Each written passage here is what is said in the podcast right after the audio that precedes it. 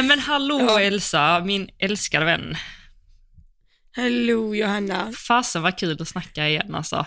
Ja, alltså det känns som att det var jättelänge sedan. Ja, vi var ju ganska tidigt ute med vårt avsnitt eh, som vi spelade in förra veckan, så det är ju lite mer än en vecka sedan vi snackade.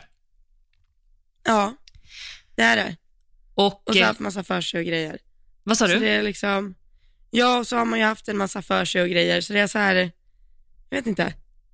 Det var länge sedan vi pratade i telefon. Ja, och det är extra kul för då har vi eh, extra mycket att säga idag. För jag, vi, har ju, vi snackade ju lite löst förra veckan om vi skulle gå in lite på tävling. För det känns ändå som att det är ett ämne som sjukt många har bett oss prata om. Ja, verkligen. Och, Och så, typ ett så här ämne som det känns som att man, eh, vad ska man säga, att inte alla pratar om. Eller? Nej, Är det bara jag? Jag vet inte, ja, alltså kanske inte. Alltså alla har ju så mycket med sitt tror jag. Så Ja. jag tror att man typ ofta, när man pratar om tävling så kanske är det- det är så, ja men hur gick det för dig och han, min häst kände så här, eller jag ska tävla nästa helg, men man kanske aldrig riktigt pratar om hur gör du när du går banan, eller hur gör du på framhoppningen, eller hur hanterar du när det blir jobbigt på framhoppningen, eller efter ett dåligt resultat. Alltså är det så du menar? Lite? Jo, men precis. Mm. För jag menar det, inte ens du och jag har ju pratat om hur vi, typ så här, hur vi hoppar fram och allt sånt där. Nej. Det man eh, pratar ju om ens känsla inne på banan och resultat Mm. och så, men inte egentligen allt runt om. Ja. Det är väl inte direkt det, det är inte så att det är hemligt på något sätt, det är bara det att det är inte det man kommer in på. Nej. Nej, exakt. Du står ju inte uppstallad så, men jag vet när jag stod uppstallad, nu, nu gör jag ju faktiskt det, för nu, jag flyttar ifrån min tränare, så jag har ju några liksom stallkompisar nu, som jag inte haft på jättemånga år. Men jag vet också innan, det var det ofta så när man kom hem från tävling, så bara Hej, hur gick det? Och så bara ibland gick det skitdåligt, man bara snälla fråga inte. och Vill du, veta, ja. vill du veta vad vi gjorde? För jag stod ju också uppstallad på ett ganska stort ställe när jag hade ponny. Mm. Eh, och då, då, jag vet inte, jag hade alltid som vana att efter eh, jag packade ut hästen så gick jag alltid några varv runt stallet för att jag inte ville att den skulle stelna till innan jag tog in den i boxen. Ja.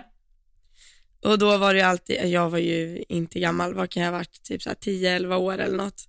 Mm. Eh, då, när jag lastade ur, då, om, jag, om jag hade fått en rosett den dagen, så satte jag alltid rosetten i grimman när jag lastade ur. Så när man skrittade runt där runt stallet så skulle hästen ha rosetten på sig. Det var ändå så gulligt. Du ville visa upp att det hade gått bra. Åh. Ja, När jag stod hos min tränare också så hade jag, eh, de hade en namnskylt utanför sina boxar, så var den i plast, alla hade likadana. Så att man, och då så var den plastskylten fäst i fyra häftstift. Så att det var liksom ett litet glapp i själva, ja, alltså mellan väggen och skylten. Och där nu eh, satte jag alltid dagens senaste liksom, eh, rosett, för då blir det ändå när man går förbi att man liksom påminns hela veckan om att man har varit och tävlat och hästarna hade gjort bra ifrån sig och så. Sen så har jag varit jättedålig på att ta hand om mina rosetter, alltså de har ju bara hamnat i, ja jag vet inte ens var alla är. Tar du hand om jag dina tänkte rosetter? precis säga det. Ja. Eh, nej, de är ju eh, lite överallt. Eller så har jag glömt dem på tävlingen. Ja. Nej men det är hemskt, det får man inte göra. Men däremot så har jag, eh, de ligger liksom i framrutan i lastbilen. Mm.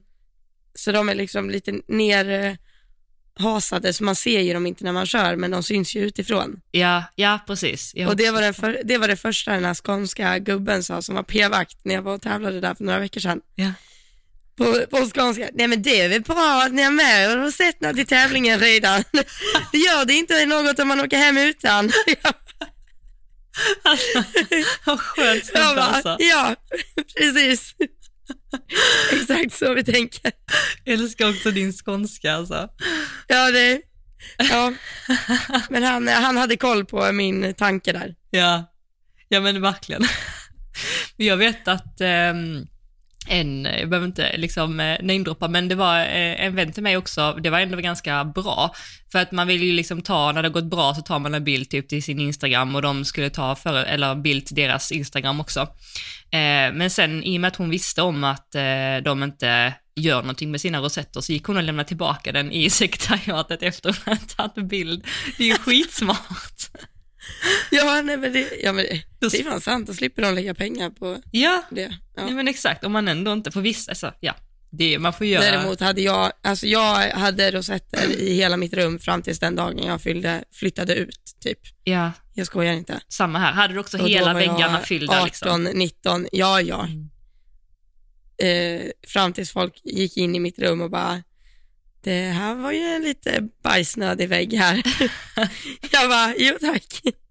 Det roliga var att då var den inte påfylld sen jag hade fyllt 15 typ. Men Jag tycker inte Ja. det hör till, jag tycker det är jättefint att man har, eh, alltså det är ju verkligen att man är stolt över sin sport och sin ridning och, alltså det är klart man ska hänga upp sina rosetter när man har sitt flickrum, eller? Ja, det tycker jag också. Ja, gud ja, det är Ja. ju skitmysigt. Det var bara det att när man kom till en annan kompis rum som hade större rosetter än en själv så fick man lite så ångest. Eh, ja, jag vet. Jag var hemma hos en kompis och hon hade lika mycket rosetter som jag hade. Mm. Men då hade hon ju bara hängt upp vinster. Jaha, Och jag hade ju från liksom Clear Round. ja. Det var inte riktigt samma nivå. Nej, exakt. Så hon hade bara blågula och jag hade bara blåvita. Ah, gud ja. Ja, ja. Ja, ja, det var det.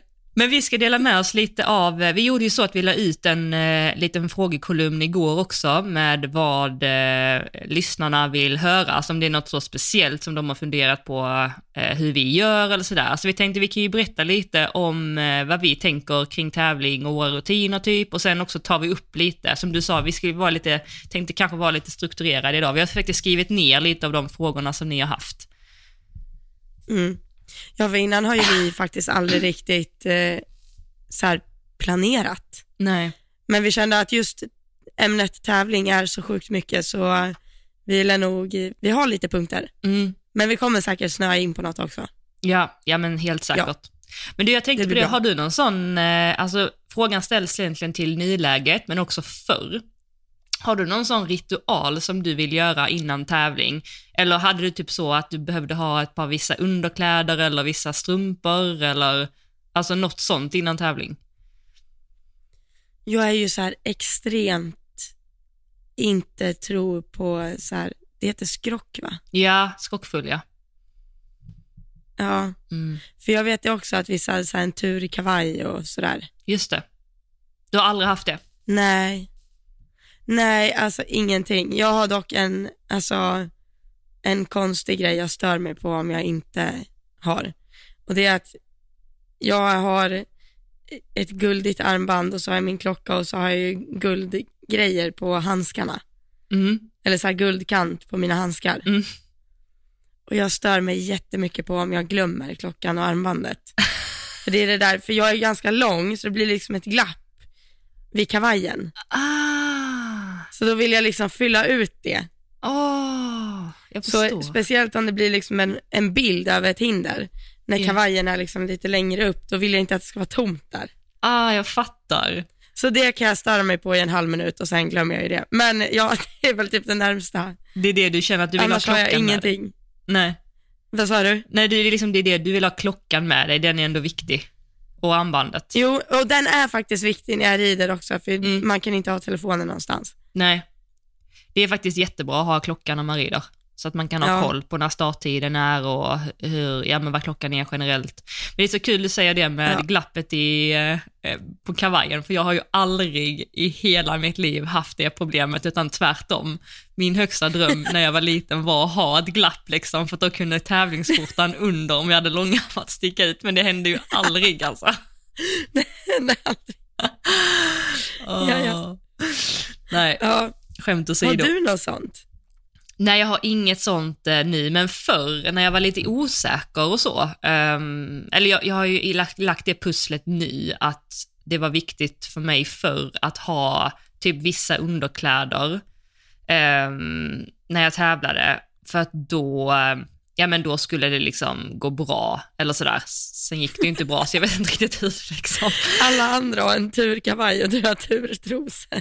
Ja men jag hade verkligen det, men nu är det verkligen, alltså jag har verkligen släppt allt eh, sånt, för att nu är jag ganska trygg i att eh, det inte har att göra med någonting förutom eh, arbetet jag gör liksom. Det, det handlar inte om tur liksom. Så att, eh, Ja. men när jag var lite yngre hade jag, hade jag det.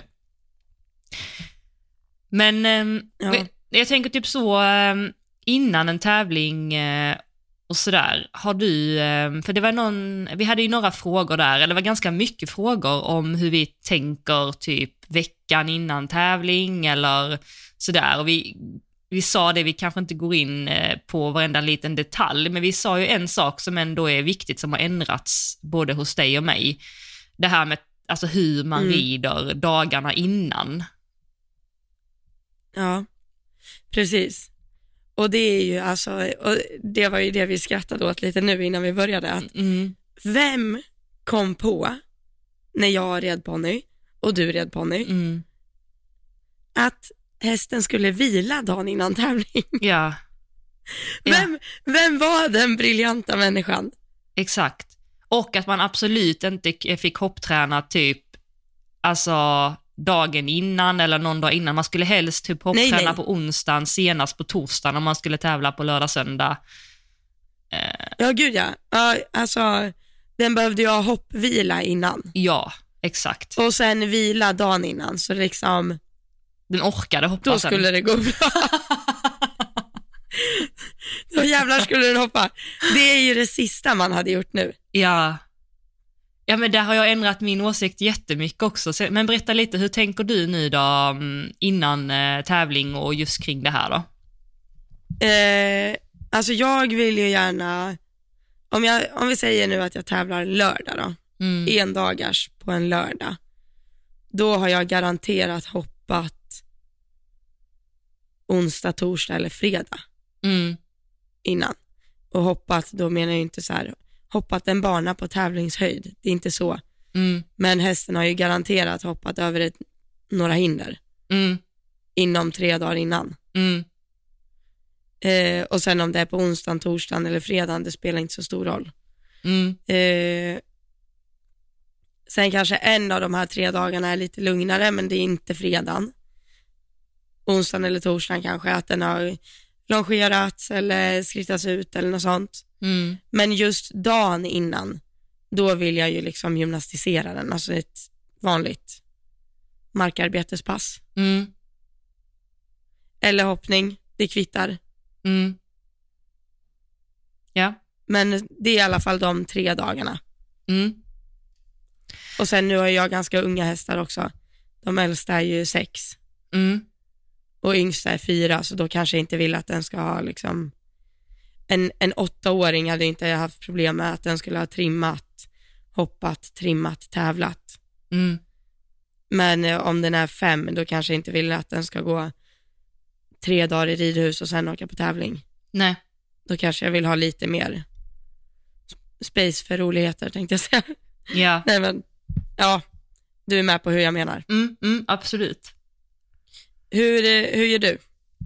Um, ja, ehm, det är lite olika, typ med dem, om jag utgår från de hästarna jag har idag, så eh, ehm, kan jag absolut typ fia, eller så här, om man tänker Kalle när han eh, var lite mer, eh, han har ju verkligen mognat nu, så att tävling är liksom ingen jättestor grej för honom nu. Eh, förr, typ efter, alltså egentligen bara för något år sedan och sådär, så var han ju ganska spooky och spänd och det var en ganska stor grej. Alltså hoppning över generellt. Han har ju liksom alltid varit väldigt rädd om sig, så han har överhoppat och sådär.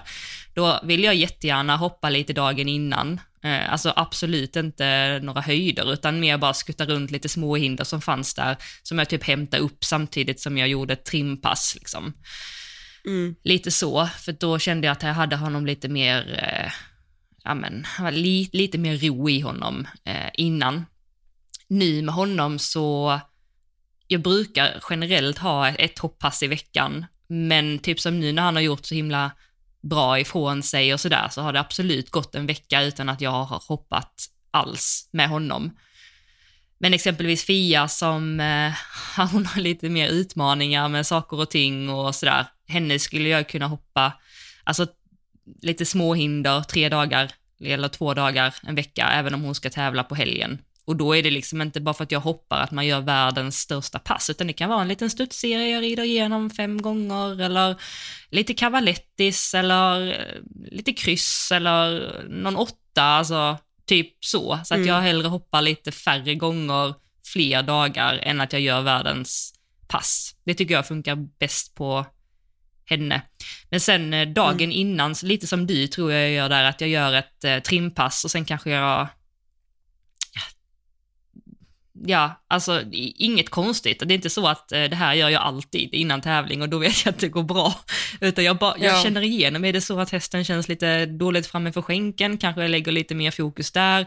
Känner jag att hästen känns lite spänd eller känner jag att den känns jättelösgjord och fin, då kanske jag lägger lite mindre. Alltså jag känner in lite vad, vad som, ja, vad den behöver på dagen, för dagen liksom. Mm. Och så lite som du så kanske jag haft en longering dagen innan eller en uteritt däremellan om jag har hopptränat på, på onsdagen eller ja, lite så. Ja.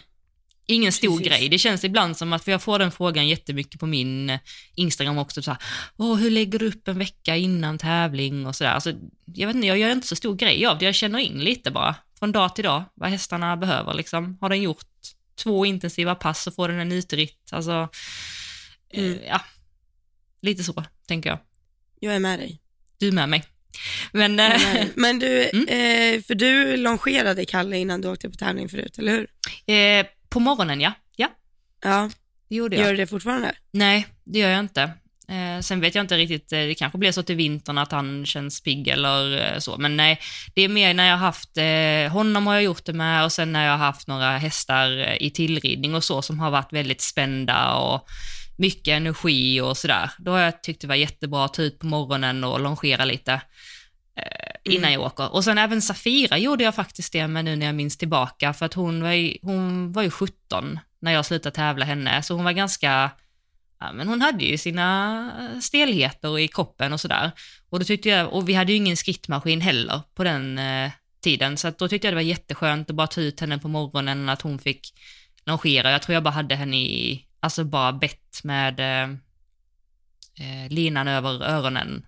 Eh, någon Mm. gång hade jag nog bara repgrimma, alltså lite så. Ja.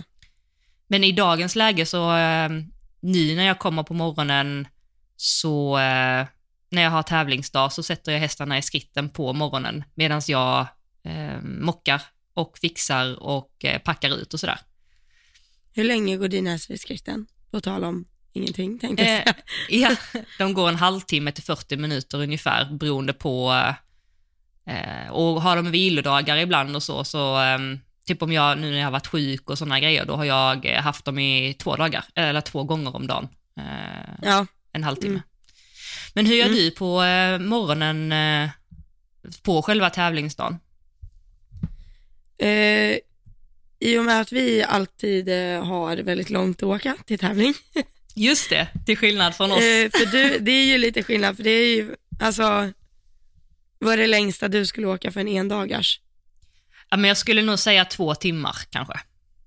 Ändå. Men det händer ju inte ofta att det är två timmar för dig till tävling. Nej, det är cirka en timme och en kvart, alltså i snitt tror jag. En timme kanske. Ja, men då var det ju ändå helt, ja.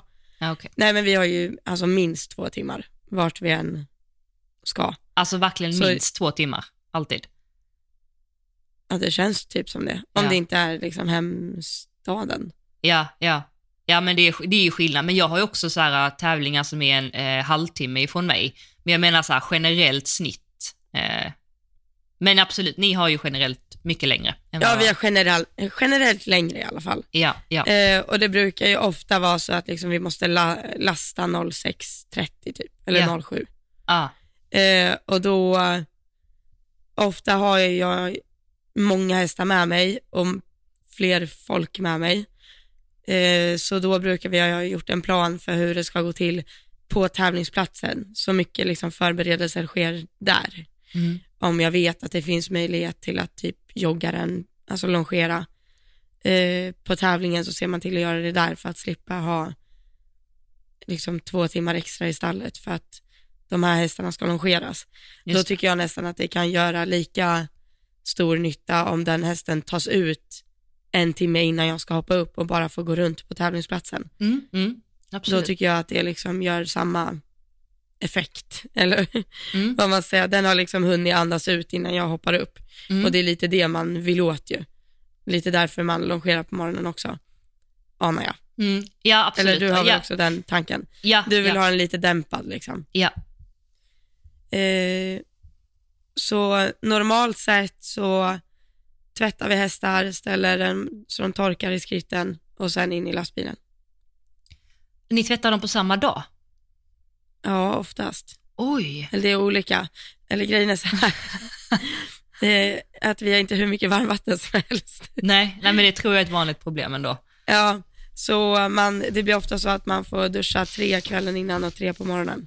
Ja, just det. Ja, okej. Jag förstår. Exakt. Mm. Då är du med. Jag är med. Fast det där, alltså det där ser jätteolika ut. Det beror på vilka hästar man åker med Ja. och hur många det är.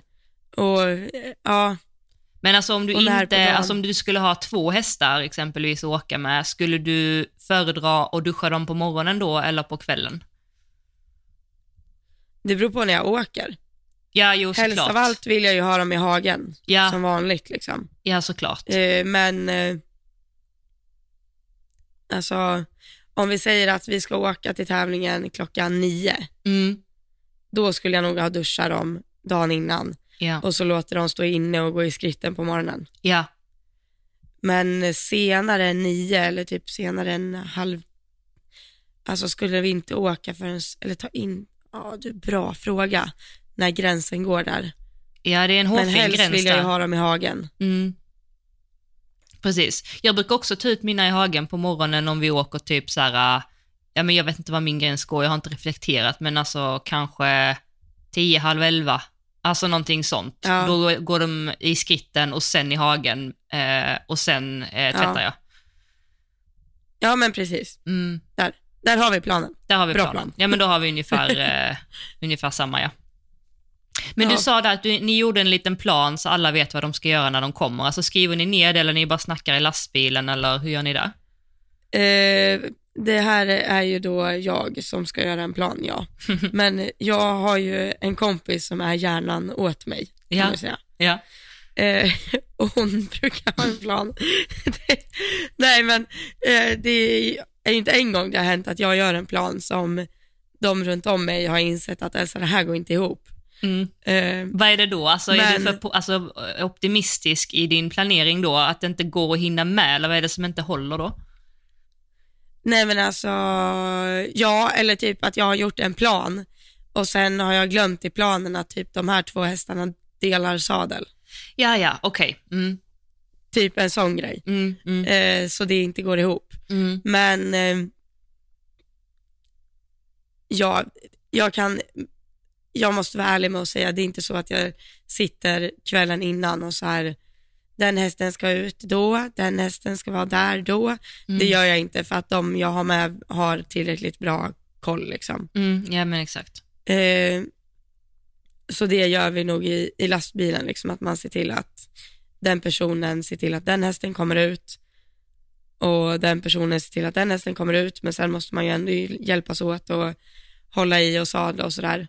Mm. Men är det så att jag har ett speciellt, liksom, om jag vill till exempel att den här hästen måste gå runt, typ som Sundbyholm, en ganska stor tävlingsplats. Jag tycker många hästar kan bli ganska knäppa när man Mm. kommer dit. Okej, ja. Eh, Är det mycket det är öppet? liksom jag har aldrig stor- varit där. Det är öppet eller? det är öppet och sen är det mycket hästar och så här dubbla banor är det ju. Men det finns i alla fall, det är mycket att se på. Mm. Och jag tycker typ att har man inte gått in med hästarna innanför, vad ska man säga, innanför tävlingsområdet Mm. en stund innan, då upplever jag många hästar till att vara ganska spända. För man kan lätt hålla sig på parkeringen, vilket är lite utanför. Mm. Eller så kan man gå in, alltså innanför travbanan, för allt ligger ju innanför en travbana. Men är det samma Och det är som... där hästarna börjar hålla på. Ja, för eh, ja, vi har också en travbana i Åby, alltså i Göteborg. där får man ju rida Ja. fram på själva travbanan. Så att det är mycket hästar runt. Ja. Är det samma på Sundbyholm, att man får rida fram? Jo, så är det på Sundbyholm också. Mm, det gör ju att hästarna såklart blir lite extra eh, vilda. Ja. De är lite, lite aktiva. Ja. Det är väldigt kul på Sundbyholm dock, när de har ponnyklasser på lilla banan och så sitter typ Malin Bajard och rider fram till 1,50 på samma ställe. Det är ju, det är ju lite roligt. ja. Jag har ju haft mina problem där. Alltså, är det bara jag eller finns det hästar som är rädda för andra hästar med boots? Nej men det kan, de, de låter ju. Boots som Mm. låter. Plastboots Och det blir ju inte bättre när det kommer på en tinkerponny med glittriga boots Exakt. och ganska typ stort rörelsemönster. Ja, exakt. Nej men det låter jätte... Jag har också haft hästar som har reagerat på det nu när du säger det. Det är inget jag har reflekterat över innan, men jo, jo absolut. Då blir det så här en häst som aldrig har varit mötesskydd blev helt plötsligt det. Ja, ja, Ja. Eh, ja, det var ett sidospår. ja. Bara, Men det ja. kul med Sundbyholm. Men ni kommer till tävlingsplatsen och då har ni liksom ändå snackat ihop er lite och du har din kompis som... Ja, alltså hon som äger hästarna går alltid och visar pass och sånt där. Mm, Och om det är något som måste ändras, vilket det typ alltid är, att det ska vara något klassbyte eller någon häst som har blivit fel eller något sånt där. mm, Då hon löser den biten liksom. mm. Hon löser TDB-biten. Ja, ja. Eh, och sen är det ju ganska ofta att jag bara hoppar liksom från, från häst till häst egentligen. Att jag inte ens är med och gör i ordning, men jag är ofta med första hästarna. Ja, Eller när jag har, har tid liksom. ja, Eh, ja, och sen har ju alla bra koll på framhoppning och så, de som är med. Så där spelar det egentligen ingen roll vem, vem jag har med mig inne på framhoppningen. nej. Men eh, det den som har ryggsäcken, den går in på framhoppningen. så, så lyder regeln, för den har liksom andra sporrar, den har babyservetter och sånt där med sig, Ja, vilket är väldigt viktigt, Ja. tycker jag. mm. Eller jag känner mig, om inte ryggsäcken är med, då blir jag lite så här, då får jag lite ont i magen för att jag vet att om jag skulle behöva något så är det inte nära till hands. exakt. Ja men där är jag Du likadan. har väl också en, eh, den magiska ryggsäcken som måste vara med. Ja men verkligen, och även om inte man behöver någonting där så känns det ändå tryggt att den eh, är med. Som du säger, all, alltså, allt är ju där. Man vill ju inte att man ska behöva springa till lastbilen för att hämta en handduk liksom. Exakt, precis. Ja, Ehm, nej men så det gör du innan, eh, alltså, alltså innan själva tävlingen. Jag tänkte vi tar det i moment lite. Eh, men jag, jag, jag, jag, packar jag ju och så. ja, precis. Men- Hur gör du där då? Gör du det dagen innan eller samma dag eller förbereder du Det någonting beror på hur speciellt? mycket tid vi har, men helst dagen innan. Mm.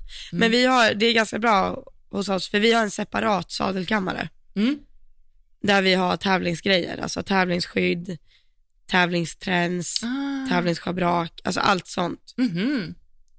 Så då är det liksom bara att ta en korg där då, där det så här, ja då lägger vi alla tävlingsskydd. Så lägger man i alla tävlingsschabrak. Mm. Så det blir så här, man behöver inte springa runt på massa olika ställen i Nej. stallet. Det är väldigt enkelt att packa. Mm, det är smart. Separat liksom ryktväska och ja, Mm. Ja men det är smart. det är skönt. Mm, verkligen. Dubbel uppsättning av allt. Inte jätteekonomiskt men väldigt praktiskt.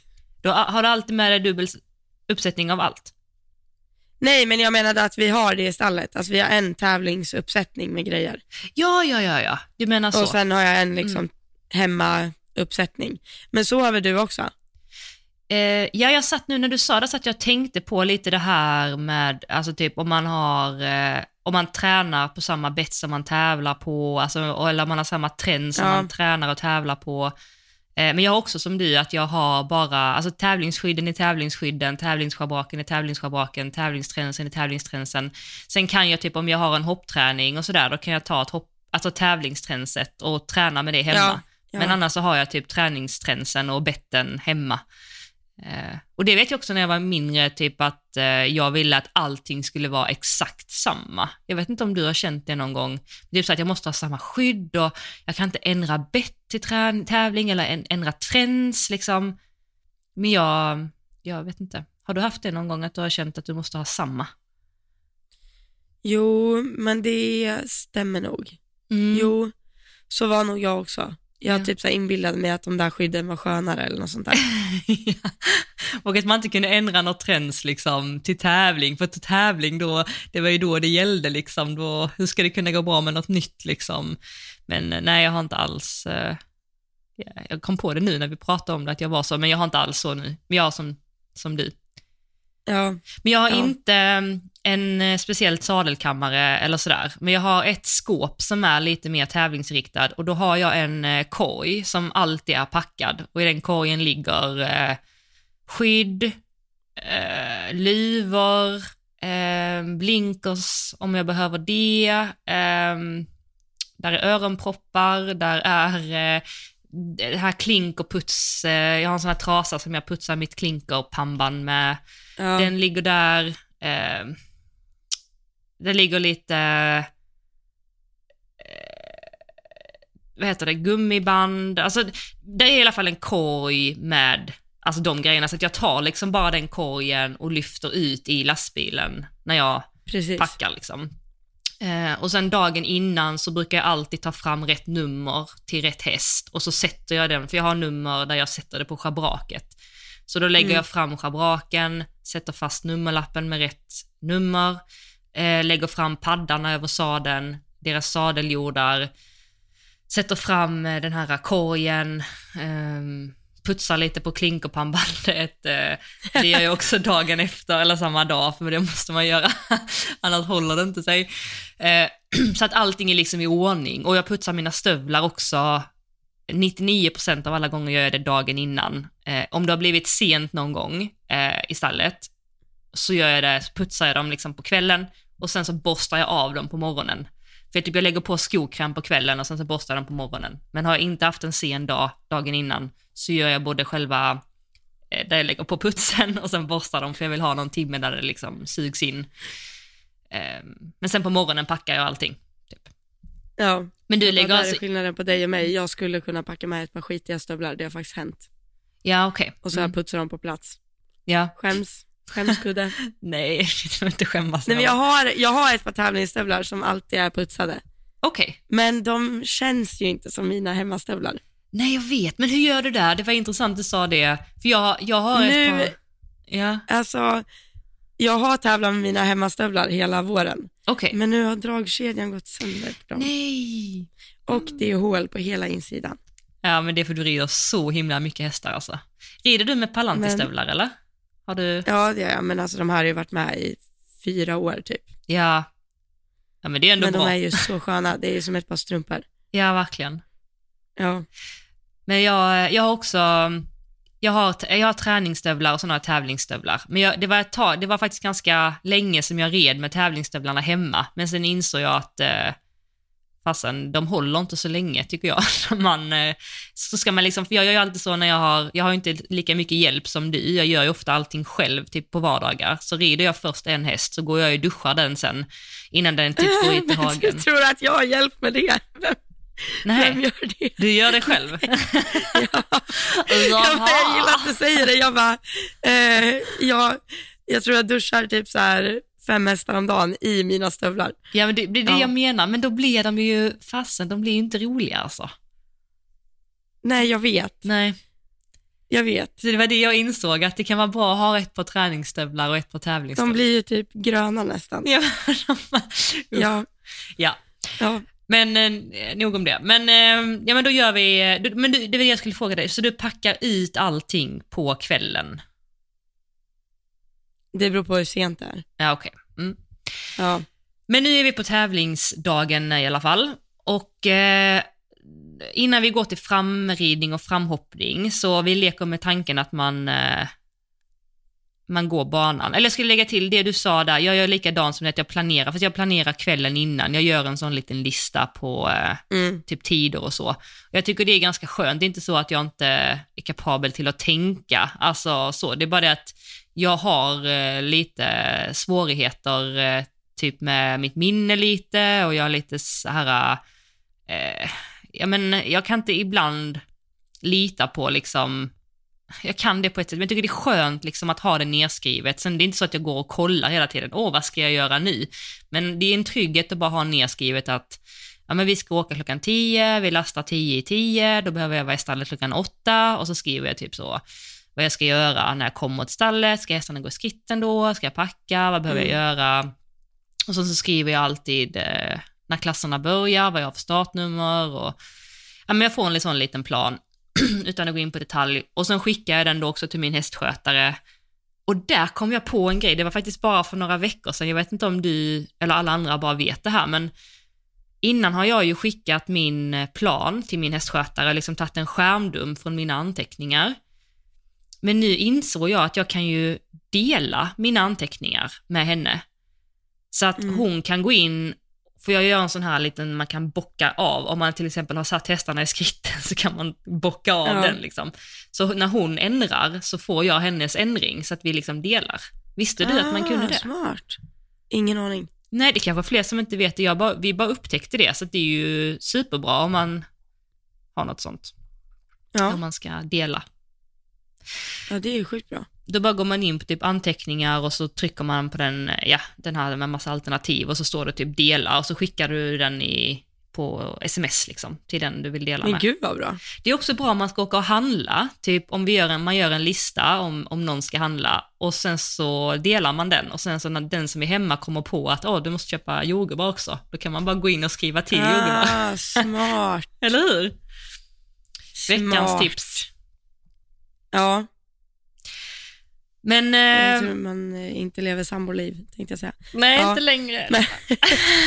du handlar ju det du vill ha nu och det som, det måste vara väldigt skönt när du nu är liksom singel, det som du sätter i kylskåpet, det stannar i kylskåpet till du äter Ja, upp det. gud ja, det är ju bara chips och godis ändå tänkte jag säga. Nej, det är det inte. Nej, men åter till tävling. Ja, käkar du någonting innan tävling eller hur gör du förresten på morgonen där? Ja, jag har ju mitt, eh, alltså jag äter ju samma frukost varje dag, Mm. alltid. Mm. Och det är en deciliter havregryn, det kanske är lite mer än en deciliter, jag vet inte. En deciliter havregryn, ett äpple, typ en matsked jordnötssmör, kanel och så eh, och mjölk, fast jag dricker inte mjölk. Men eh, substitut för mjölk, veganskt alternativ för mjölk. Ja. Eh, alltså havregrynsgröt helt enkelt. ja, men gud, det låter supergott med eh, Det är hur gott som helst. Wow. Det kanske man ska testa. Jag, jag har nog testat det... det- men utan jordnötssmör bara. Men allt annat har jag Nej gjort. men det är jättegott. Ja, bra tips. Men det är också en stadig frukost ändå. Ja, och så går det jättefort och då tar jag bara med det i lastbilen om jag inte har ätit Mm. redan innan. Och kaffe. Och kaffe, ja. Kaffe Alltid alltid, kaffe. På, väg till last, på väg till tävling. Men är du så här duktig att du äter frukost och liksom har med dig lunch och grejer? Eller så här, för jag förlitar ju mig alltid på att det finns något att äta dit jag kommer. Ja, men det gör jag också faktiskt. Att det, Ja. det alltid finns något man kan käka där. Men jag, alltså jag kan inte äta frukost tidigt, eh, men jag brukar koka två ägg som jag äter eh, i lastbilen sen på vägen till tävling. Så det kan ju gå liksom fyra timmar, fem timmar, om jag nu går upp klockan fem eller klockan sex och vi inte åker från tio eller elva liksom. Då, Ja. har jag, då har jag bara druckit kaffe där när jag har varit i stallet, för att jag, jag känner inte, jag har liksom ingen direkt aptit. Ehm, men sen så käkar jag ju alltid innan jag, jag menar på väg till tävling, typ två ägg och så brukar jag ha med lite såna här chia, heter det, chia havssalts, eh, riskakor. Ibland har jag med någon kvarg och så har jag med lite så här vitamin wells eh, med kylklampar brukar jag ha med nu när det är sommar för det är så himla gott Ja. att ha något kallt liksom. Så att eh, ja, nej. Men Ja, inget, inget special. Inget special.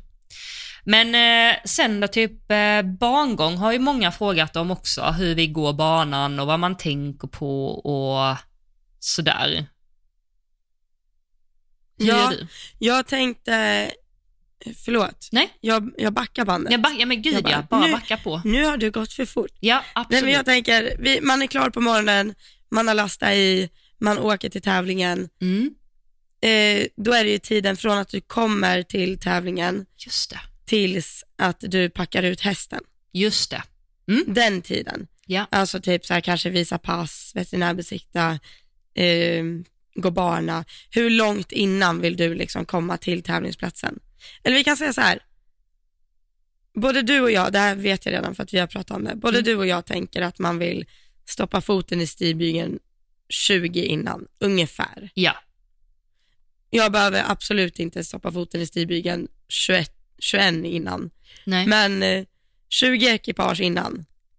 20 till 15 skulle jag säga att jag har. Ja. Eh, så innan du har kommit till 20 ekipage innan, hur lång tid vill du ha då?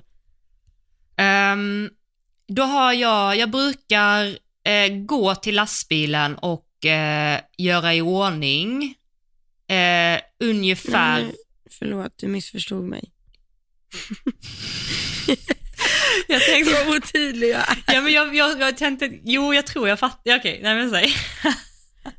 Eller? Ja, du kanske, förlåt. Nej jag tänkte att jag skulle ta Alltså, jag det menar- liksom bakifrån, typ om jag hoppar upp Okej, i 20. du, okej, du räknar, just det, du räknar alltid baklänges. Ja, Förlåt. jag räknar ju baklänges. Så jag, om jag vill hoppa upp vid 20, då kanske jag är i lastbilen när det är 35 starter innan, ungefär. Ja, Och då brukar jag eh, ta på mig och göra i ordning mig, liksom med mina grejer. Eh, ibland, om jag är själv då, innan eh, jag gör i ordning hästen. Har jag min eh, hästskötare med så gör jag i ordning hästen och sen tar hon ut och går med honom eller henne och sen så gör jag i ordning mig. Men i alla fall ungefär 35 liksom innan. Och sen Mm. då tidsmässigt, när jag kommer till tävlingen vill jag ha, eh, innan jag, du menar innan jag tar ut själva hästen då va? ja, Mm, eh, då vill jag ha i alla fall eh, 50 minuter. Cirka. Ja. En timme till 50 minuter. Om jag nu, det beror på, beror- på lite grann med barngång och sådär, men eh, ungefär 50 minuter. Något sånt. mm. Vad har, hur gör du? Det, jag, eh, alltså jag kan nöja mig och vara på tävlingen en timme innan start, om det är så att jag ska rida en fyraåring 90 centimeter. Mm. För då har jag ofta lärt mig banan i lastbilen på vägen dit och så kommer man fram, ta ut, skritta fram. Mm. Liksom väldigt enkelt som att åka på träning Ja. typ. Men vet jag att det är en klass jag vill gå bana till och man ska besikta och visa pass och ja, då, då har jag som dig en timme innan jag ska hoppa upp Mm. Mm. liksom. Mm. Eh, så inte de där liksom halvtimmes framridning. Då blir det, ja men då blir det en och en halv timme till start då. Mm. Mm. Ja, exakt. Men då har vi gått igenom, Den det. biten ja. Ja, för det var många som frågade också när man hoppar upp och eh, när man eh, gör vid och så. Så att Ja. cirka 20, och du har 15 till 20 och jag skulle nog säga om jag ska stretcha har jag 20 till 22 för att jag har ju lite moment eh, under min eh, jag har ju ganska mycket rutiner, så att jag går ju igenom min bana exempelvis, där jag visualiserar lite så, när jag har ridit fram och när jag har hoppat fram och det tar typ två minuter per gång liksom. Eh, och sen så gillar jag att eh, hellre skritta lite länge, äh, längre. Så jag har inte så mycket hästar som dig heller, jag har ofta väldigt lugna tävlingsdagar, men jag gillar liksom att Mm. skritta lite längre och typ stå och vänta innan jag går in på framridningen, eller, framhopp, eller förlåt, framhoppningen eller banan liksom. Eh, jag är aldrig så att jag behöver liksom känna att eh, jag måste in på framhoppningen direkt, eh, att det ska gå snabbt in eller att jag måste ha hoppat ett språng och så måste jag in på banan direkt när jag hoppat, utan jag kan liksom, ja, vi kommer väl dit, men eh, i alla fall, Nej. jag är hellre, nej alltså det, så tänker jag också, för det jag verkligen har kommit så här i underfund med på tävling är ju att det enda man gör innan man startar, det är egentligen bara att få hästen fysiskt redo. Alltså, mm, den måste ju vara varm, se till att den inte är stel, liksom. Att den, ja men, värma upp verkligen och då behöver den ju skritta länge, jogga en stund, men verkligen komma underfund med att man inte kan, jag kommer ju ändå inte dit för att jag liksom ska trimma min häst, nej, exakt. utan det enda som behövs är egentligen att den ska kunna vara fysiskt kapabel till att hoppa banan. Liksom. Ja. Ja, Ja. men lite samma, samma här.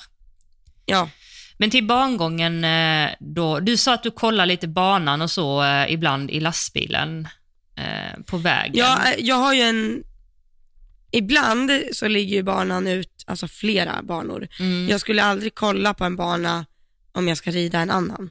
Nej, nej, nej, precis. Nej, men annars ska jag absolut kolla banan på vägen till lastbilen. Men ibland kan det ju vara så att jag rider, om vi säger att jag rider avdelning B 1.10 och så ser jag så här, oj nej men kolla banan har kommit upp till 1.20 fast jag sitter och rider fram. Det är inte så att jag går in och kollar på den då. Nej, nej. Det gör jag ju såklart inte, då håller jag ju mig till den klassen jag är på liksom. Ja, okej. Mm. Men eh, annars brukar jag vara, så fort jag ser att barnen kommer upp så brukar jag kolla. Mm. Mm. Där är vi olika, det vet Vi är jag. jätteolika där, ja. Berätta, hur gör du? Nej, men jag... För du är ju strukturerad. Vi kan ju dra den strukturerade modellen först. Okej. ja, men det är inte så extremt. Men, men jag, jag kollar aldrig barnskissen eh, tidigare än fem minuter innan jag ska gå den. För att jag tänker eh, lite så här att jag, en, alltså, jag inte behöver informationen tidigare.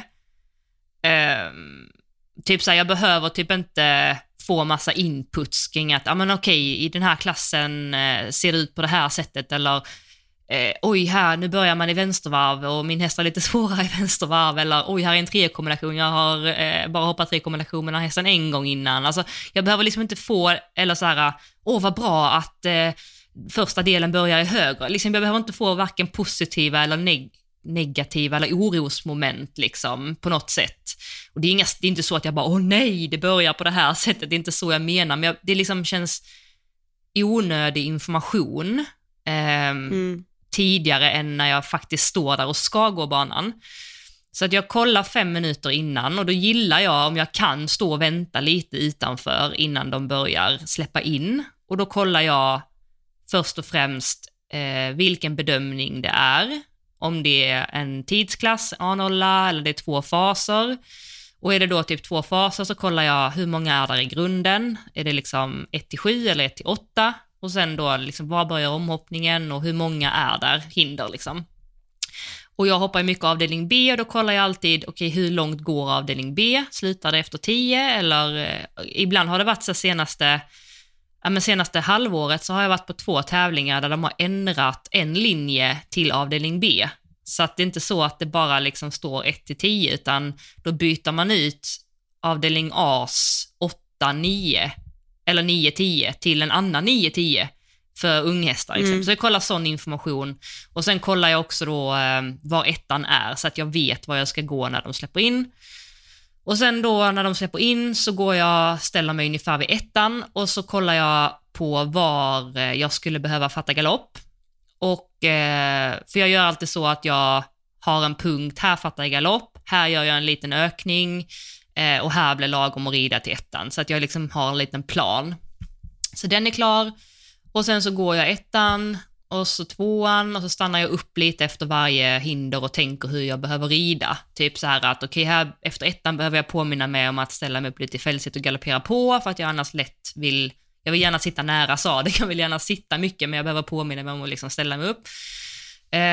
Och sen typ efter tvåan går jag till trean, samma där, då tänker jag hur vill jag rida mellan tvåan och trean? Stannar vid fyran, hur vill jag rida mellan eh, trean och fyran och så vidare.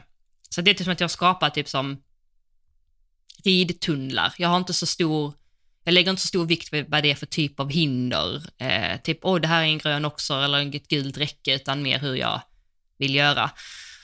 Och sen då på relaterade distanser, så om jag mäter en linje som är eh, lite längre så tänker jag att jag vill komma in på det här sättet. Jag vill komma in med lite luft, liksom, eller lite större, eh, lite mer utifrån. Och så tänker jag också så här då att om jag skulle komma med ett sista kort, i värsta fall, liksom, inte enligt plan, då tänker jag hur ska jag göra då? Om det då är en sjustegslinje, då skulle jag kunna rida ytterlinje på åtta, eller jag skulle kunna rida innerlinje på sju. Alltså jag tänker liksom två olika alternativ. Eh, ja, det är typ så jag gör. Och sen när jag har gått klart och tänkt igenom då så stannar jag. Eh, jag går lite åt sidan, jag stannar ofta inte vid mål, för där står ofta många andra, så jag går lite själv. Och så kollar jag då först en gång med öppna ögon, går igenom banan och då tänker jag alltid, här fattar jag galopp, här tänker jag på detta, mellan ettan och tvåan ska jag göra det här, alltså så, alltid ridrelaterat. Och sen så sluter jag ögonen och så rider jag banan ehm, in, alltså jag, där jag tänker hur jag ska rida den. Liksom. Jag visualiserar den som att jag sitter på hästen och vad jag behöver göra. Typ. ehm, ja, och sen är jag klar. Och sen om jag hoppar typ en klass som är upp till 1,10 och det är längre än eh, sex galoppsprång, då brukar jag knappt eh, stega. Då rider jag bara helt på feeling. Jag rider bara liksom fem och sex relaterat. Sen kan en linje på sju steg eller så bli sju eller åtta beroende på liksom. Eh, Mm. typ så. Hur eh, tänker du? Jag vill inte ens berätta. Ja, men det är ju så himla underbart. Det finns ju inget rätt och fel hur man gör. Man gör ju liksom det så som man, eh, det här funkar för mig. Ditt sätt funkar för dig. Dela. Alltså det är inte en gång jag har suttit på fram, alltså gått in på framhoppningen och sitter med telefonen i handen, kollar banan och ser banan och lär mig den där och då. Nej. Det har ju hänt. Ja. Alltså, Ja, men det, ja. Men det känns som att det Men fungerar ju för jag... dig, eller? Vad sa du? Det känns som att det fungerar för dig, eller? Känner du att du skulle vilja göra Nej, det ändringar? är ju inte, det är inte så jag vill ha det. Nej, okej. Nej. Nej, men då det så. är ju klart jag gärna vill gå banan. Mm. Eh, men nu har jag ändå typ så här i, i 1,20 så har jag ändå, om jag, om jag rider först då vill jag ändå gå linjerna om det är någon, någon linje, jag ser att det är en linje liksom. Mm. För jag har insett på äldre dagar att jag är ju för fan helt blind när det kommer till, om du kollar ut över en hoppbana liksom, Mm. så som ni visat på GCT, Ja. eh, utan att ha sett någon rida skulle du kunna gissa distansen. Ja, just det, det gjorde vi. Vi satt och gissade i distanserna. Ja Ehm, men då såg vi hur många språng de gjorde. Ja. Ja, du menar Skulle du kunna gissa en distans utan att se någon rida den? Alltså gissa hur många meter menar du? Där är mellan ett hinder. Ja, eller gissa hur många språng. Eller språng. Eh, kanske inte, jo, jo men alltså, jag skulle nog inte säga att jag är helt blind. Det skulle jag nog inte säga. Hyfsat bra, tror jag, eller? Ja, ja, jag, är- jag är, alltså, jag är jättedålig. Okej, Jag kan kolla på en som säkert är nio steg och jag bara, den är sju. ja okej, ja. Nej, så det är alltså, är det någon, ska jag typ rida först eller jag vet att jag inte har tid att se någon, Mm. då vill jag gå linjerna i alla fall. Ja, ja okej. Men eh, då kan jag ju lika gärna springa typ från lastbilen för att jag har varit där och sen vet jag att hästen är på framridningen och så springer jag förbi banan och så tar jag just den linjen jag vill gå på vägen liksom. Ja, okej. Mm. Eh, men däremot, går jag banan så är jag nog mer liksom mer fokuserad på att kolla typ, för det vet jag var viktigt med Bell, att jag ville vara inne på banan för att få en liksom, liten vision av vilka saker det skulle kunna bli problem vid. Mm. Och det är inte hinder, utan det kunde vara att det var liksom, där sitter det en sån där plansch på staketet, Mm. eller där står det en bil, Mm. eller det där hindret hoppas rakt in i ett hörn. Mm. Sådana där saker. Och det tror jag, och det är ju, nu är det ju mycket för att jag har haft en sån häst, men det där har jag blivit helt liksom paralyserad av. För jag kan kolla på någon som rider och så ser jag till exempel att det är en linje, linjen är egentligen sju steg lite fram, det är ett räcke som hoppas in mot ett hörn och så är det helt plötsligt jättemånga hästar som får bakbensfel där. Mm. Eh, och då, är- alltså, då tänker jag direkt att det är, så här, det är mycket sådana här grejer som egentligen har, inte ens har med själva banan att göra, men som ändå det kommer fel på för att folk inte har tänkt på vad som finns bakom hindret. Eller, Ja, ja, men exakt. är du med på vad jag menar? Ja. ja, men så tänker Så- jag också när jag går banan, liksom att okej, här har vi ett, ett hinder som kan vara lite eh, typ lätt att driva eller det kan vara lite spooky på grund av att grinden ligger på det här sättet eller det står in mot ett hörn eller den här kombinationen står jättenära läktaren eller alltså så. Så att jag Ja. går också in och visar lite typ så om det är något extra, jag vill visa eller typ så. Ja, men exakt. Mm. Och, då, och det brukar jag ofta se till, liksom att om jag går banan, att de här sakerna vill jag rida förbi. Och där har jag ett väldigt väl fungerande system. Att jag, jag gillar ju att trava mina hästar. Ja. Eh, så jag travar ofta in på, fast det här kommer ju, det här kommer ju lite längre fram, men i och med att jag är inte Ja. lika duktig på att gå banan som dig, så är det här viktigt för mig. Ja, ja. Eh, då när jag alltså, är klar med framhoppningen, får gå in på banan, då travar jag alltid banan. Mm. Alltså travar förbi ettan, tvåan, trean, gör liksom alla vägar som jag ska göra. Mm. Så jag vet att jag rider förbi överallt, Mm. där jag ska förbi. Eh, ja, det var väl ungefär där jag ville landa. Ja, ja, ja. Men eh, Och sen, sen- när du har gått banan, liksom, repeterar du den någon gång sen igen eller du bara ser den en gång Jo, så? men det gör jag. Jag repeterar den, jag kollar den en gång, repeterar och så kollar jag i sanden och liksom vet att jag kan den. Och då när jag har checkat av så här, den flyter på helt av sig själv, då tänker jag inte på banan något mer Mm. alls Okej, förrän jag kommer in på banan. okej. Och det har aldrig hänt att du har känt typ så, åh herregud, hur var det nu liksom? För att du har släppt det? Eller du... Nej, då har jag glömt banan när jag rider banan. Nej, jag menar när du kommer in på... nej, nej, när du kommer in på banan och du inte har tänkt på banan på ett tag, då har du aldrig Nej, men kommit in... ofta så står man ju innan man får gå in. Ja, det var det jag menade. Om du gick ja, så precis, brukar jag ju stå och vänta och då tänker jag ju, igenom då den. ser jag ju banan framför mig och speciellt nu när det är utomhussäsong, då händer det ganska ofta att man sneglar och kollar liksom Ja, ja, på den som rider för tillfället. ja. Så, men hur är du där om du har framhoppningen bredvid? Mm. Nu kanske du inte kollar jättemycket, men om du säger att du sitter på läktaren Ja, och så ser du att det är ett hinder som har varit väldigt så här, utslagsgivande. ja.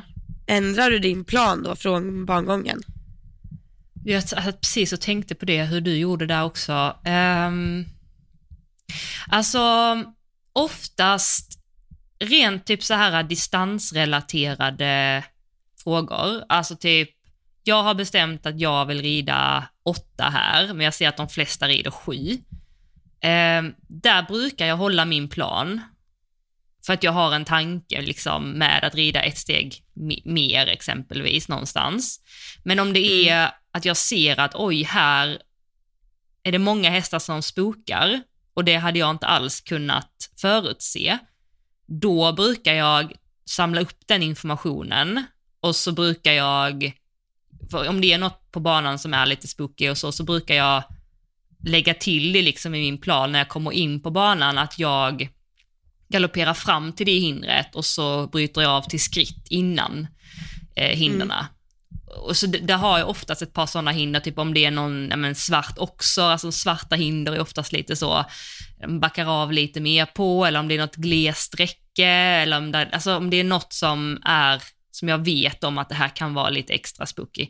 Men som svar på din fråga, ja jag kan, jag kan ändra plan när jag ser någon annan rida, eh, men det är inte så att jag gör det bara för att de gör det, utan då ställer jag mig frågan själv, liksom, vad, vad tror jag med min häst? Liksom? Eh, Mm. typ så. Hur gör du där, om du ser något? Ja. Eh, det var en bra fråga. Alltså nu rider ju inte jag speciellt liksom avgörande klasser på det sättet. Nej, det gör ju ingen Det av oss nu liksom heller. Vi har ju inte- mycket unghästar. Det är ju liksom, är det fem, sex eller sju steg, då gör man ju det. Det är inte så här, hmm, ska jag ta sex eller sju steg in här? Nej. Det är liksom inget som är riktigt så intressant. Det var ju som när vi satt på GCT, då var det ju, alltså varannan gjorde ju fyra eller fem Ja. in i någon kombination där. Mm. Det är liksom, vi är inte riktigt på den nivån. Nej, vi har ju ofta inte så mycket alternativ heller på de klasserna Nej, vi, precis. vi rider på det sättet. Nej, exakt. Än. Utan då är det som du säger, att det liksom, om det är ett hinder som jag inte ens har tänkt på, är spooky. Och det minns jag under tiden med inomhussäsong, för där på Strömsholm, då, då blir det solkatter Ja. I ridhuset. Mm. Eh, och då när jag gick banan, då var det ju inga solkatter och så kom jag in på banan och så ser jag att det är en solkatt rakt på A-hindret in i kombinationen. Ah, ja. Och så skulle jag rida Badou då som ofta hoppar, han, hoppar, han har ganska problem med att han hoppar så mycket så han hoppar för långt. Mm. Så det blir alltid kort i kombinationerna liksom, för Mm. han landar för långt ut. Så jag tänkte bara det, jag bara, "Ha, då ska man ju bromsa sig in i det här liksom. Mm. Men, eh, så det, det är ju alltid så, ibland kan man ju få en surprise ändå när man kommer in. Ja, absolut. Men ju. eh, ja, I, alltså nej då är det nog spookiness-frågan. Och sen är jag en sån person som ofta kan be funktionärer flytta sig och sånt. Mm. Men det kanske inte du gör.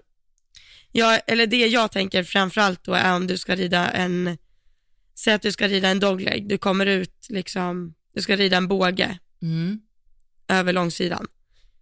Mm. Eller över, ja, du Mm. fa- förstår vad jag menar. Mm. Ja, ja. Eh, då brukar det ofta stå ett hinder man ska rida runt. Som är blint, som gör Som är blint, ja, precis. Mm. Och i oxrar är det ju väldigt bra att stå i som funktionär. Ja.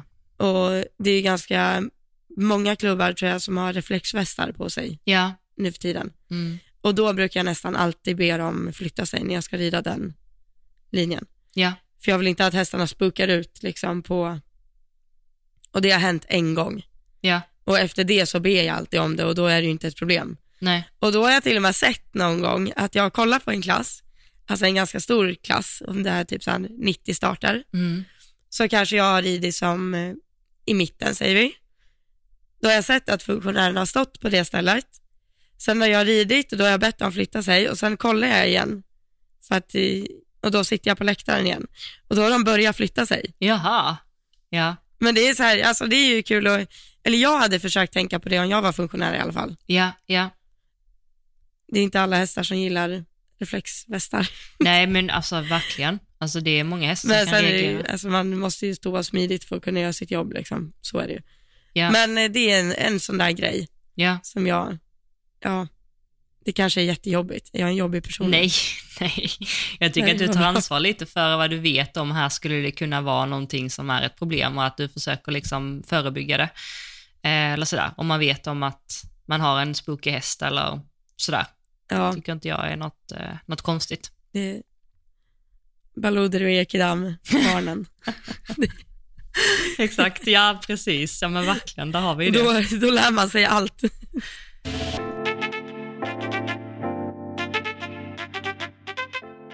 Hur många innan går du till framhoppningen? Eh, det beror ju lite grann på, eh, oftast har vi inte öppna framhoppningar här nere. Utan man har ju Nej, typ nej. eh, åtta kanske, mellan, alltså nu på utesäsongen. Jo, men det är, alltså, det är öppen för mig tänkte jag säga.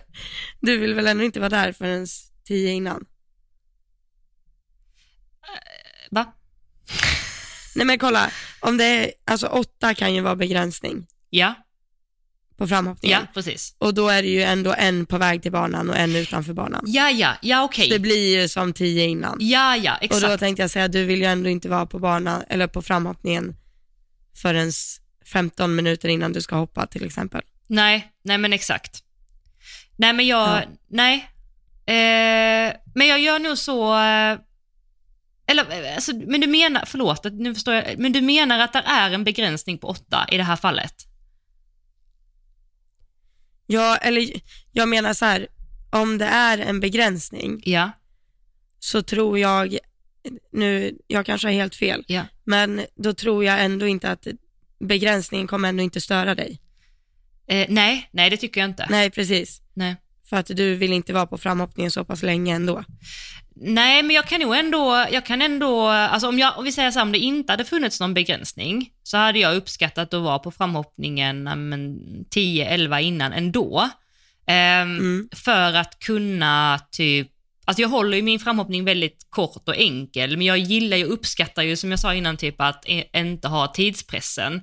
Så att jag, jag gillar exempelvis att komma in på framhoppningen och sen eh, Dock så tänker jag ju liksom att allting ska vara klart till framhoppningen, så jag funderar inte på att jag behöver värma upp eller något sånt på framhoppningen, alltså hästen, utan allting är klart. Jag ser till att hästen är där jag vill ha den. Så att när jag kommer in på framhoppningen så skulle jag basically kunna börja hoppa direkt. Liksom. Mm. Ehm, så att, och det brukar fungera ganska bra med typ åtta ryttare, men om det inte skulle varit någon begränsning så menar jag att jag hade gillat att ha lite mer tid bara för att kunna ta det ännu mer lugnt mellan sprången. Alltså det hade inte stört mig att ha mer tid heller.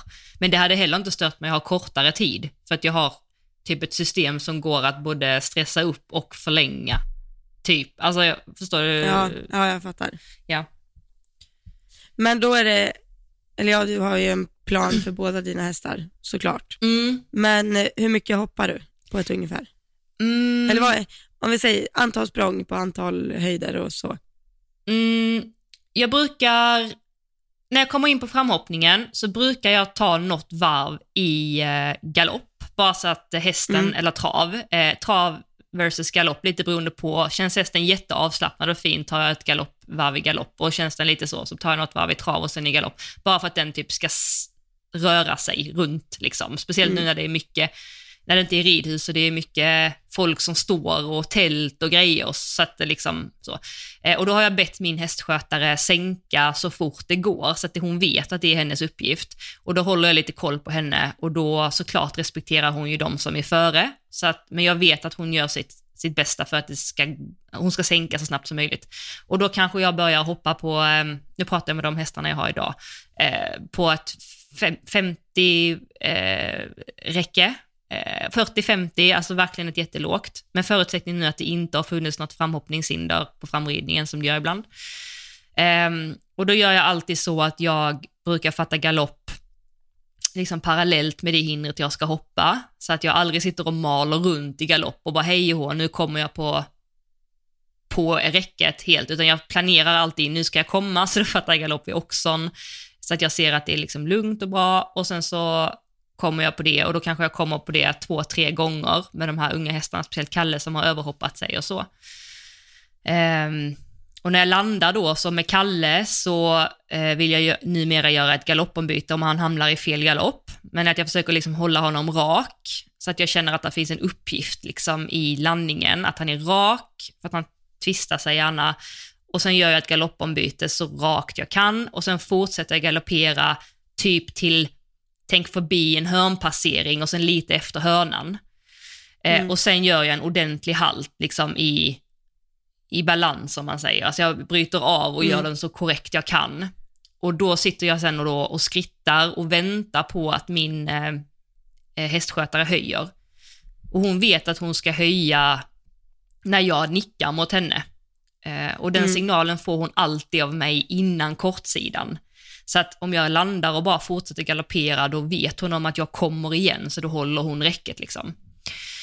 Eh, och sen med Fia då, så hon är ju, hon landar lite på huvudet och springer lite ur balans, så då har jag alltid att jag eh, stannar innan kortsidan och går ner i skritt och gör liksom en ordentlig avsaktning.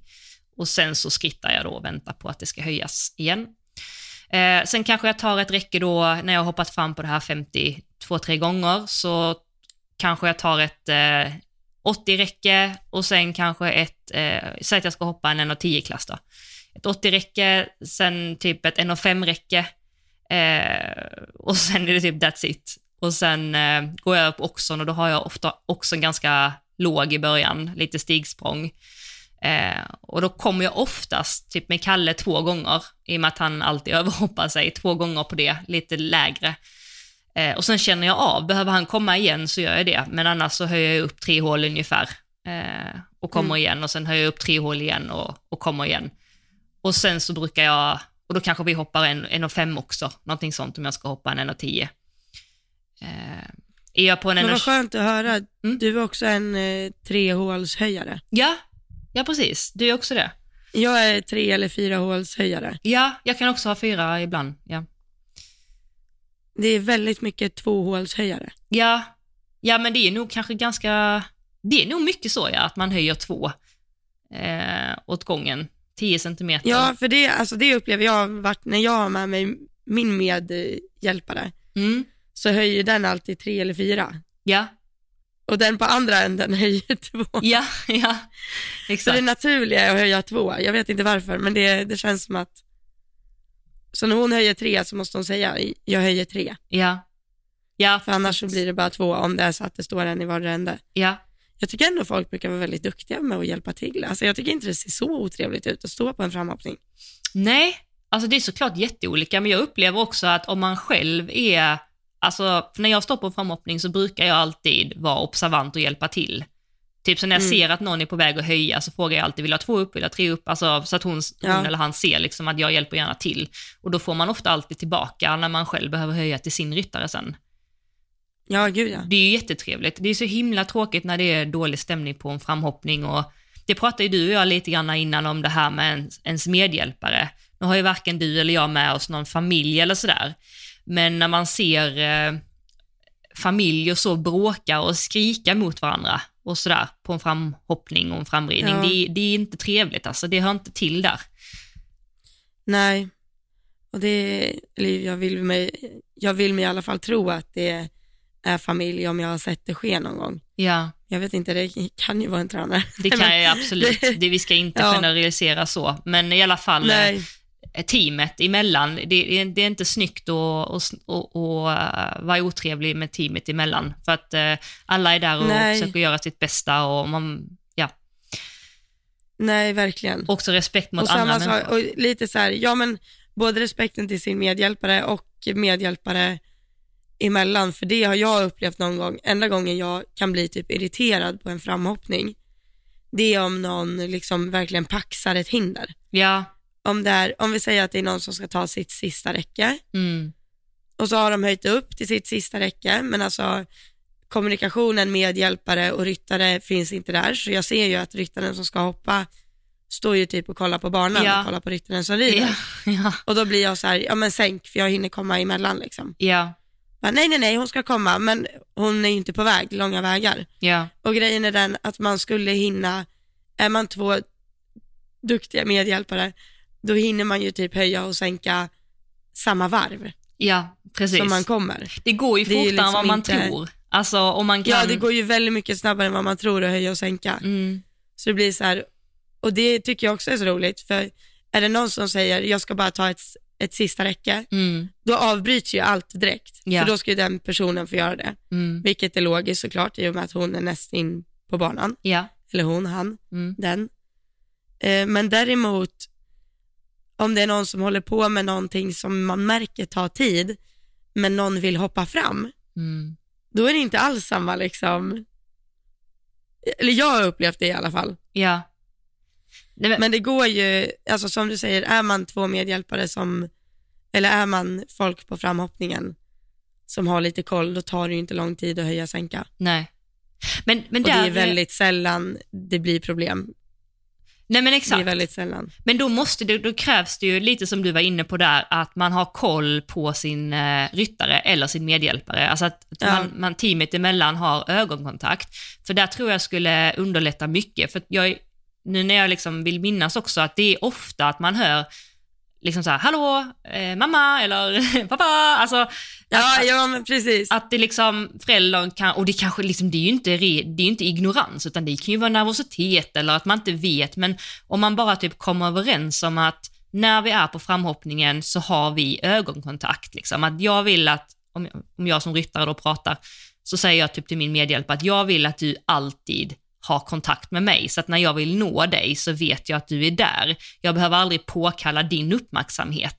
För att Mm. då blir det så mycket lättare att kommunicera antingen med tecken eller om man bara säger jag väntar eller hon kan komma emellan eller jag vill ta ett sista om två ryttare eller alltså att man bara har koll på varandra. För att det är ju en Mm. jättestress om inte man når den personen som står och hjälper en. Alltså om den lever i sin egna värld och ryttaren lever i sin värld, då blir det ju såklart eh, problem. Jag gillar också, med min medhjälpare så gillar jag att den så uppdaterar mig om ibland hur många, jag, hur många som är kvar. Exakt, jättebra. Eh, fram tills jag ska in. Ja, Så jag vet liksom att, ja men om det är, och så vet ju hon vilket nummer jag vill ha ett sista räcke på, om det är en häst jag vill ha ett sista räcke på. Och, men att hon håller mig lite så här, och också att om jag är på framhoppningen och det kanske har flyttit på snabbare så vill jag också att hon säger det. ja, Att precis. så här, bara så du vet så, eller bara, eller om jag säger, ja men då kan vi ju gå över på oxen. Ja, Då kan hon till och med säga, nej vi gör inte det än. ja, precis. För jag vet att det är så här många kvar. Ja, Det har liksom flyttit på snabbare än vad vi har tänkt oss. precis. Att man har lite den, alltså, och nu är ju det ett samarbete vi har för att det har funkat så länge liksom. Så hon vet hur jag vill ha det och, och så vidare och så vidare. Mm, Men jag tänker bara man, bara man snabbt går igenom innan man går in på framhoppningen så kan man ju göra en jättesmidig framhoppning. Ja, absolut. Man kan till och med säga liksom, jag vill ha räcker på 60, räcker på 85, räcker på en meter. Mm. Och sen vill jag gå över till oxen. Ja, exakt. Och alltså, det går väldigt fort och bara så här, Ja, istället för att man ska komma dit som två frågetecken. ja. och det kan man För ju det prata tror om jag i bilen egentligen också. att jag gjorde under typ hela min ponnytid, så tror jag jag och min mamma gick till framhoppningen och var helt så här, Lost. ja vi får se hur det blir idag. Ja, ja.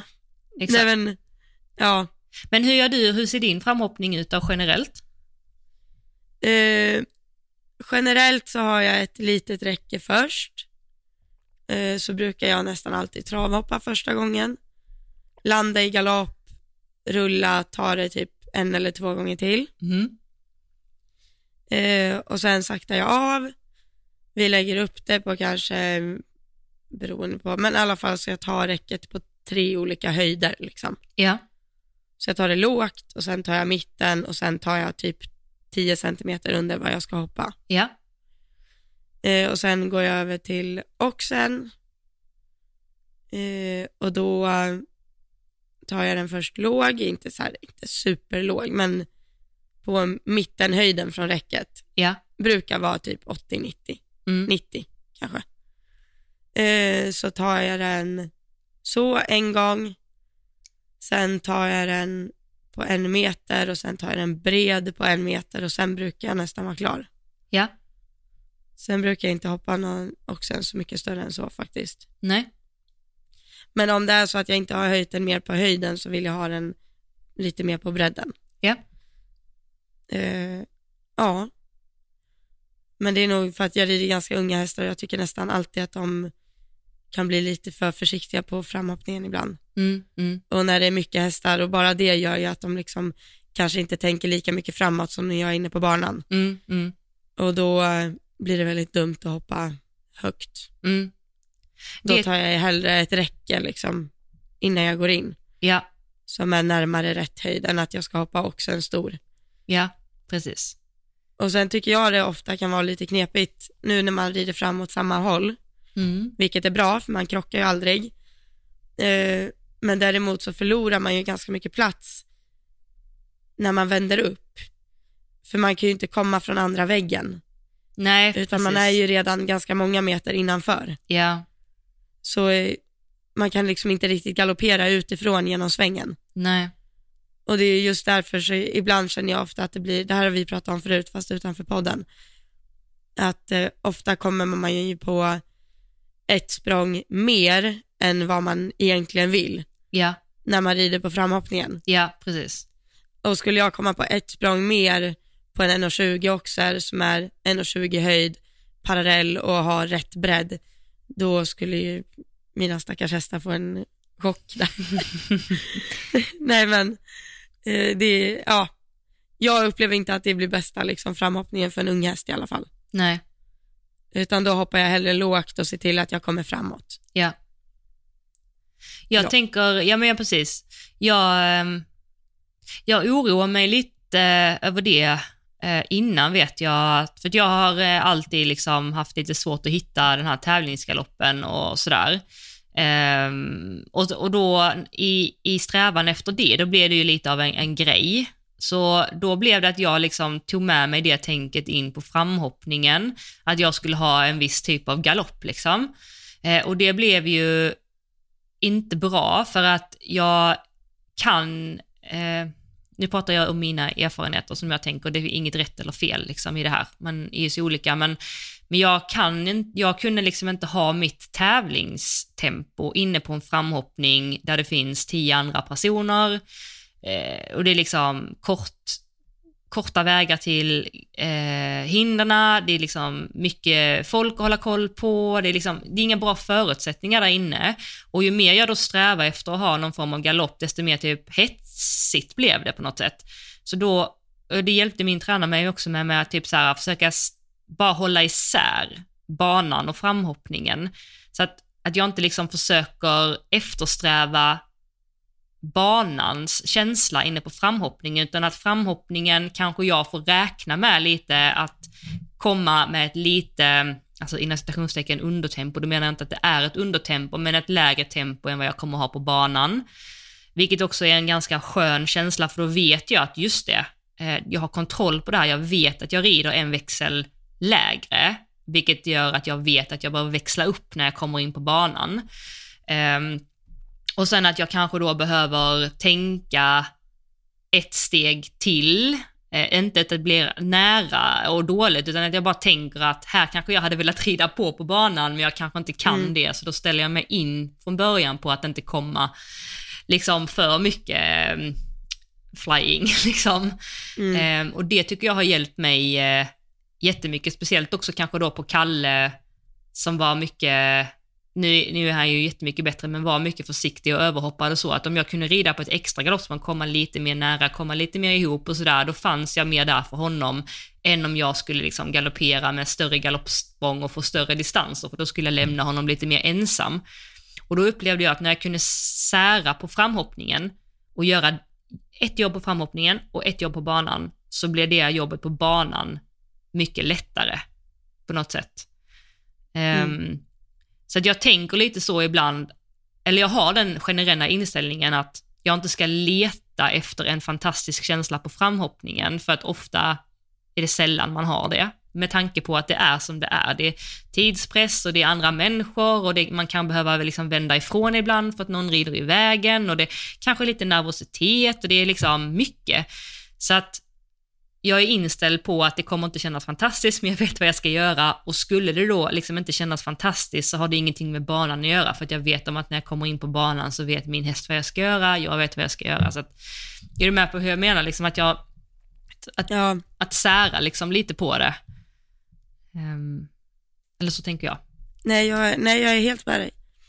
Men det, alltså det tycker jag är viktigt att tillägga här, verkligen, att du för där tror jag vi tänker lika, att jag skulle ju hellre, om vi säger så här, om jag skulle, om det skulle finnas en regel som säger du måste, all, du får aldrig mer hoppa eh, högre än 20 centimeter lägre än vad det är inne på banan.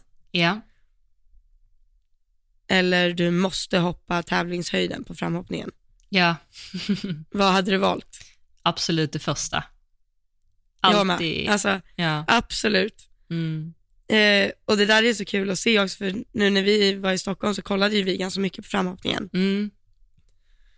Och de hoppar ju, de, om jag får säga det själv, de som är bäst, svenskarna. Yeah. yeah. Nej men speciellt Malin och Henrik, som jag såg, hoppar ju väldigt lite alltså. Ja inte högt och inte mycket och inte fort och liksom, utan det syns att de är verkligen bara där för att värma upp sin häst. Ja. Och det är, det är lite vad jag var inne på innan. Ja, exakt. Det man kommer, det man gör innan man kommer in på banan är ju verkligen, du kan inte ändra på någonting. Du kan ju bara ha ditt, alltså det kommer ju inte gå varken bättre eller speciellt mycket sämre än vad du gör hemma. Mm. Utan du ska ju bara värma upp din häst för mm. uppgiften. Liksom. Ja. Du skulle lika gärna kunna ut och jogga i skogen i en halvtimme. Liksom. Ja. Nej men, ja. den ska ju bara vara varm i kroppen. Och sen är det alltså klart man kan, som du säger med Kalle, behöver du hoppa den lilla oxen tre gånger, ja då är det klart du gör det. Mm. Om du känner att det skapar bättre förutsättningar. Men eh, det är fortfarande man är inte där för att träna. Nej, nej absolut inte. Nej. Absolut inte. Och behöver, känner man att man behöver träna där så kanske man eh, inte är helt heller redo för, för det. Sen nej. klart och självklart som vi har sagt innan, man behöver ju träna på att tävla också och det behöver ju hästarna också. Men eh, då ja. kan man, då, då, som vi pratade om innan, det här med höjd och så, att då ska i alla fall inte höjden vara ett eh, problem eh, och då kanske man istället bara ska åka på en liksom pay and jump eller hoppa jättelågt en tävling bara för att komma in, hästen får lära sig tävlingsrutinerna, du får lära dig tävlingsrutinerna och sen så är bara hindren något på vägen. Det är liksom absolut inte det som är en grej. Liksom. Nej. För det tycker nej. jag är fantastiskt när man kan få bra rutin eh, som man känner sig trygg med, eller trygga rutiner, man vet vad man ska göra, man vet vad som förväntas eh, och, och man har hittat liksom, ja, man, man har hittat sina bra rutiner inför en tävling, då gör man det på en låg höjd så är det så mycket lättare sen att duplicera det när man exempelvis ska gå upp en höjd. Eh, och i och med att man har gjort de här rutinerna så mycket på en lägre höjd så blir det inte lite, lika stor grej att gå upp på en höjd för att man har liksom någonting att falla tillbaka på. Det är inte så att man ändrar Ja. någonting för att man ska göra en debut eller så, utan man, man gör som att man alltid har gjort det. Liksom. Eller man gör som man alltid har gjort. Ja, Ehm, så det håller jag, ja gud ja. det håller jag helt, eh, helt med om. Men jag upplever ofta, eller så att när jag pratar med människor och så här, att, eh, jag vet inte, det här är säkert kanske kontroversiellt eller liksom, alltså jättemånga olika åsikter och sådär, men många har ju den här tanken att hästen måste ställa in sig på en höjd som den ska hoppa. Alltså typ att... ehm, Kalibrera höjden. Så kan man kanske uttrycka det. Och jag är ju lite, jag, jag tror ju inte det va. Alltså jag, jag tänker att hästarna är kl- klokare än så. Liksom. Eller de är inte kloka Ja, i alltså sig, jag men alltså, de är ju liksom, att inte jag, bara för att jag ska hoppa 1,20 på banan så behöver jag liksom inte ställa in 1,20-höjden på framhoppningen för att den ska klara av. Alltså, det känns som att många har det som en osäkerhet, att jag måste hoppa den här höjden på framhoppningen, annars kan jag inte hoppa det på banan. Känner du igen det? Men det sitter väl i ryttaren tänker jag. Ja, ja, men det är det jag faktiskt vill komma till, att det är nog kanske mer mentalt liksom, än vad det faktiskt är verklighet. Ja, nej det håller jag om. Men hur är du där, alltså, vill du liksom, ditt sista räcke, tar du något sista räcke eller hur gör du där? Jo, men det gör jag. Oftast Mm. gör jag det. Eh, och det är väl antagligen mest för min skull. Ja, men vill du ta det direkt i anslutning eller tar du det och sen väntar du eller hur ungefär många innan? Alltså ganska ofta med, med unga hästar så brukar jag känna mig nöjd efter oxen. Ja, okej. Och liksom så här, ja men det här är vi, vi har gjort det bra och det är två eller tre kvar. Ja, Då kan jag skritta tills jag ska gå in. ja, Eh, men eh, Bell till exempel tog alltid ett sista räcke, men det var också lite för att jag ville ha henne igång innan jag skulle in. ja, För hon blev ofta, så fort jag skrittade henne så blev hon liksom bekväm. ja, ja. Så det blev lite att jag var tvungen att börja om liksom. Mm. Så jag, helst av allt skulle jag liksom vilja hoppa räcket, sen bara galoppera in på banan. Okej, Det hade varit bästa möjliga, men det är lite svårt att göra. ja, Men och då var det ofta så att jag ville känna mig klar med min framhoppning, skritta lite, sen ta räcket innan jag går in. ja, Men det var ju inte för att eh, räcket skulle lika gärna kunna vara lägre än vad det är på banan. mm, mm. Det var inte ett eh, kalibrera höjden-räcke. Men, eh, men det där har jag tänkt på när du säger det där med att hoppa rätt höjd. Att eh, om vi leker med tanken nu, om vi säger att du ska in och hoppa och så hoppar du en meter framhoppningen. Så är det liksom så här 1,60 inne på banan, då hade hästen garanterat inte vilja vara med. Eller inte någon av mina hästar i alla fall. Nej, Så det är nej, inte direkt så att de är förblindade av höjden. Men nej, ja, nej, nej, nej såklart att man, men, det, Men, eh, alltså ja. Jag tänker att där är det, det där tar ju tid att lära sig vad som gör mer skada än nytta. mm, Så tänker jag. Mm. Ja, absolut. Eh. och det är lite också från häst till häst, alltså hur man, hur man lägger upp sin framhoppning och sådär. Så jag tror liksom att man ska lägga, eh, det är bra att lyssna på hur andra gör, alltså typ som nu när vi delar med oss om det här och så. Det kanske är, liksom, vissa gör likadant eller andra kanske bara, oj, det här har inte jag tänkt på, det här vill jag testa och det är väl jättebra, men jag tror att man måste rikta Ja. eh, uppmärksamhet till sin häst liksom och känna in vad, vad som behövs och det tar ju tid innan man lär känna dem liksom. Ja, ja gud ja. Men hur gör Men du alltså- sen då inne på banan? Alltså när du rider in?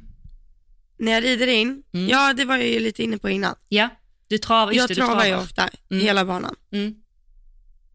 Okej. Du, hur, Eh, ja, nej men då efter jag, jag är lite så återigen det här med tid. När jag har hoppat sista räcket, då gillar jag att ha tid innan jag går in på banan sen. Så att jag tar ett sista För du räcke. tar ett sista räcke, förlåt nu av jag, Ja, avbröt jag. Jo, men det har jag gjort med Kalle, eh, faktiskt. Jag till, gillar till och med att ta ett lägre räcke ibland. För att om jag har hoppat den också och jag har känt liksom att han kanske har överhoppat sig eller någonting sånt där, då gillar jag, speciellt nu när vi har gått upp på lite högre höjd, alltså det här har inte hänt super, det händer ju inte om jag ska gå, gå redan en, en meter nu, men när det har blivit lite högre så blir han ju ännu mer liksom, ambitiös och tar i ännu mer så. Och då när jag började hoppa 1,20 så gjorde jag så att om jag hade hoppat en 1,15 också, eller en bredare än ja, knappt 1,15 också, eller sådär, att jag gick ner och hoppade kanske ett 1,5 räcke och sen gick jag in. Mm. Eh, bara för att känna att han liksom så här plomp. Eller så gjorde jag till och med ibland så, min tränare hjälpte mig då också, att då kanske jag hoppade ett eh, 1,15 räcke eller ett 1,20 ibland och sen efter det gick jag ner och tog ett en meter räcke och sen gick jag in. Liksom. Ja, Eh, men då jag gillar att ha tid så att jag liksom står i alla fall minst en start, alltså två starter gärna, utanför och väntar eller skrittar och väntar. Eh, så jag gillar inte att komma in, att ta räcket typ och, och sen komma in direkt. Men i alla fall när jag blir insläppt så brukar jag skriva med Kalle nu, Safira galopperar jag alltid in det första jag gjorde. Eh, hon var lite äldre, lite mer rutinerad. Med Kalle skrittar jag in några steg och sen börjar jag galoppera och då brukar jag liksom börja med att galoppera, ha lite, lite längre tyglar. Eh, kan, alltså, jag har inte honom i helt liksom, den formen som när jag börjar hoppa, utan jag galopperar lite mer fritt och så ökar galoppen lite grann och rider runt banan.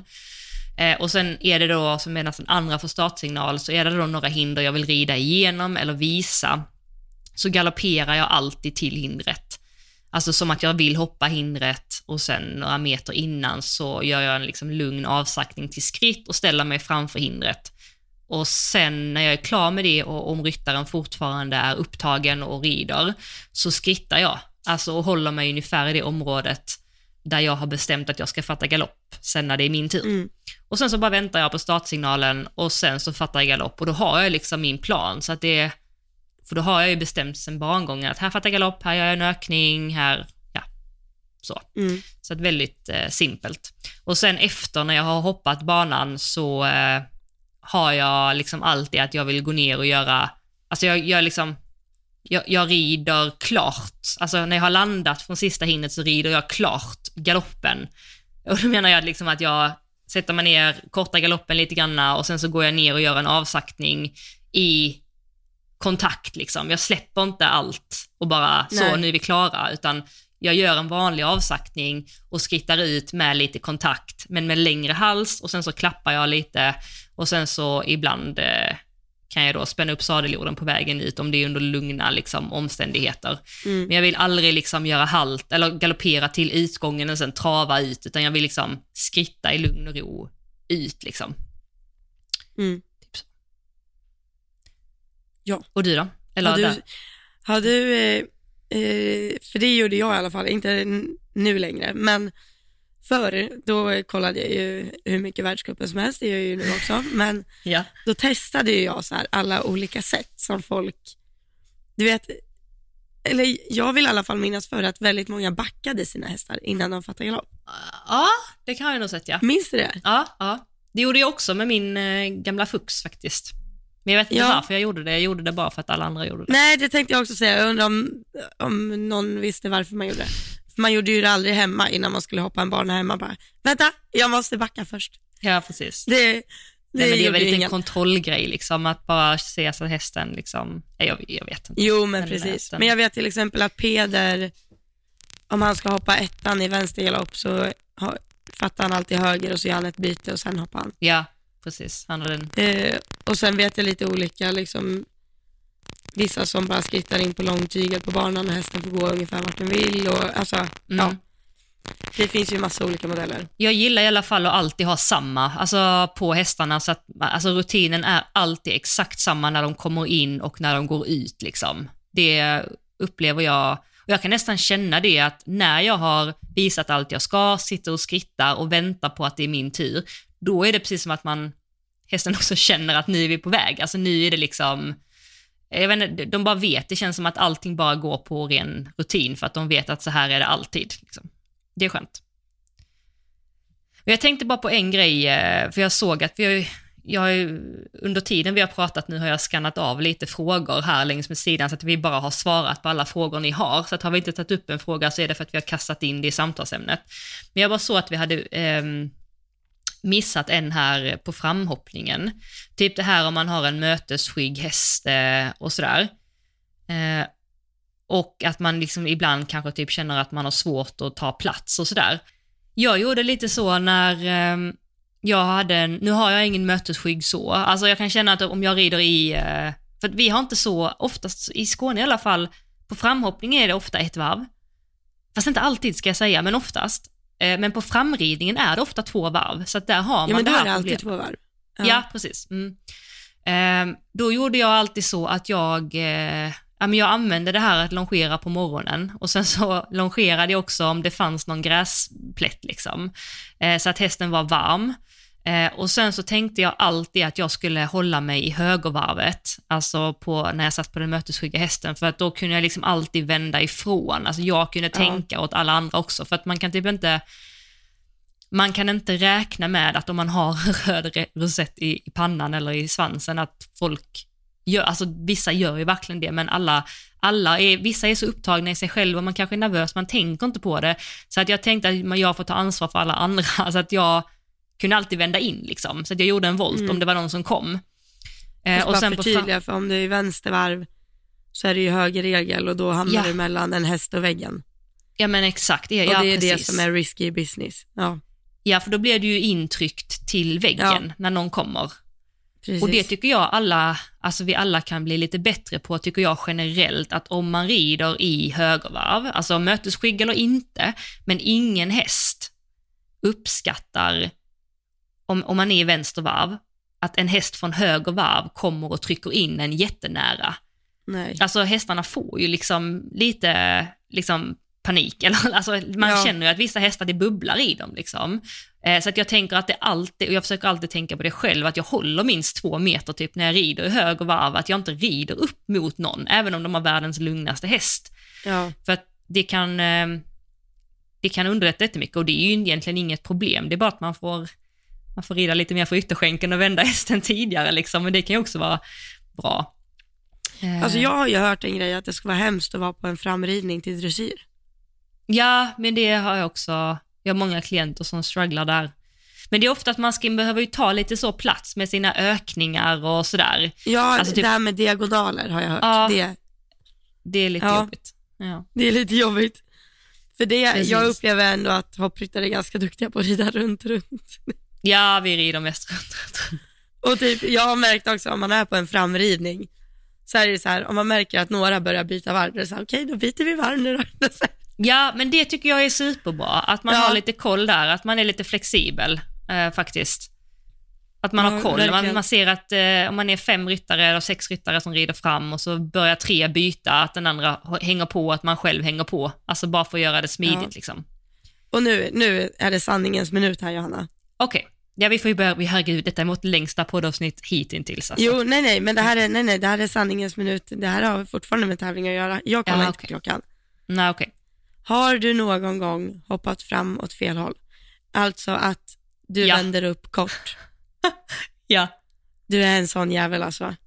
Eller ja, du menar att jag vänder, ja, jag trodde du menade att jag har, jag har gjort, eh, jag- jo, eller menar du inte att jag har av misstag har hoppat eh, fel? Nej, nej, jag menar att du med mening för att du vill, om vi säger att framhoppningen är åt vänstervarv, Jaha. så går du ner och fattar höger galopp och vänder upp kort och hoppar räcket.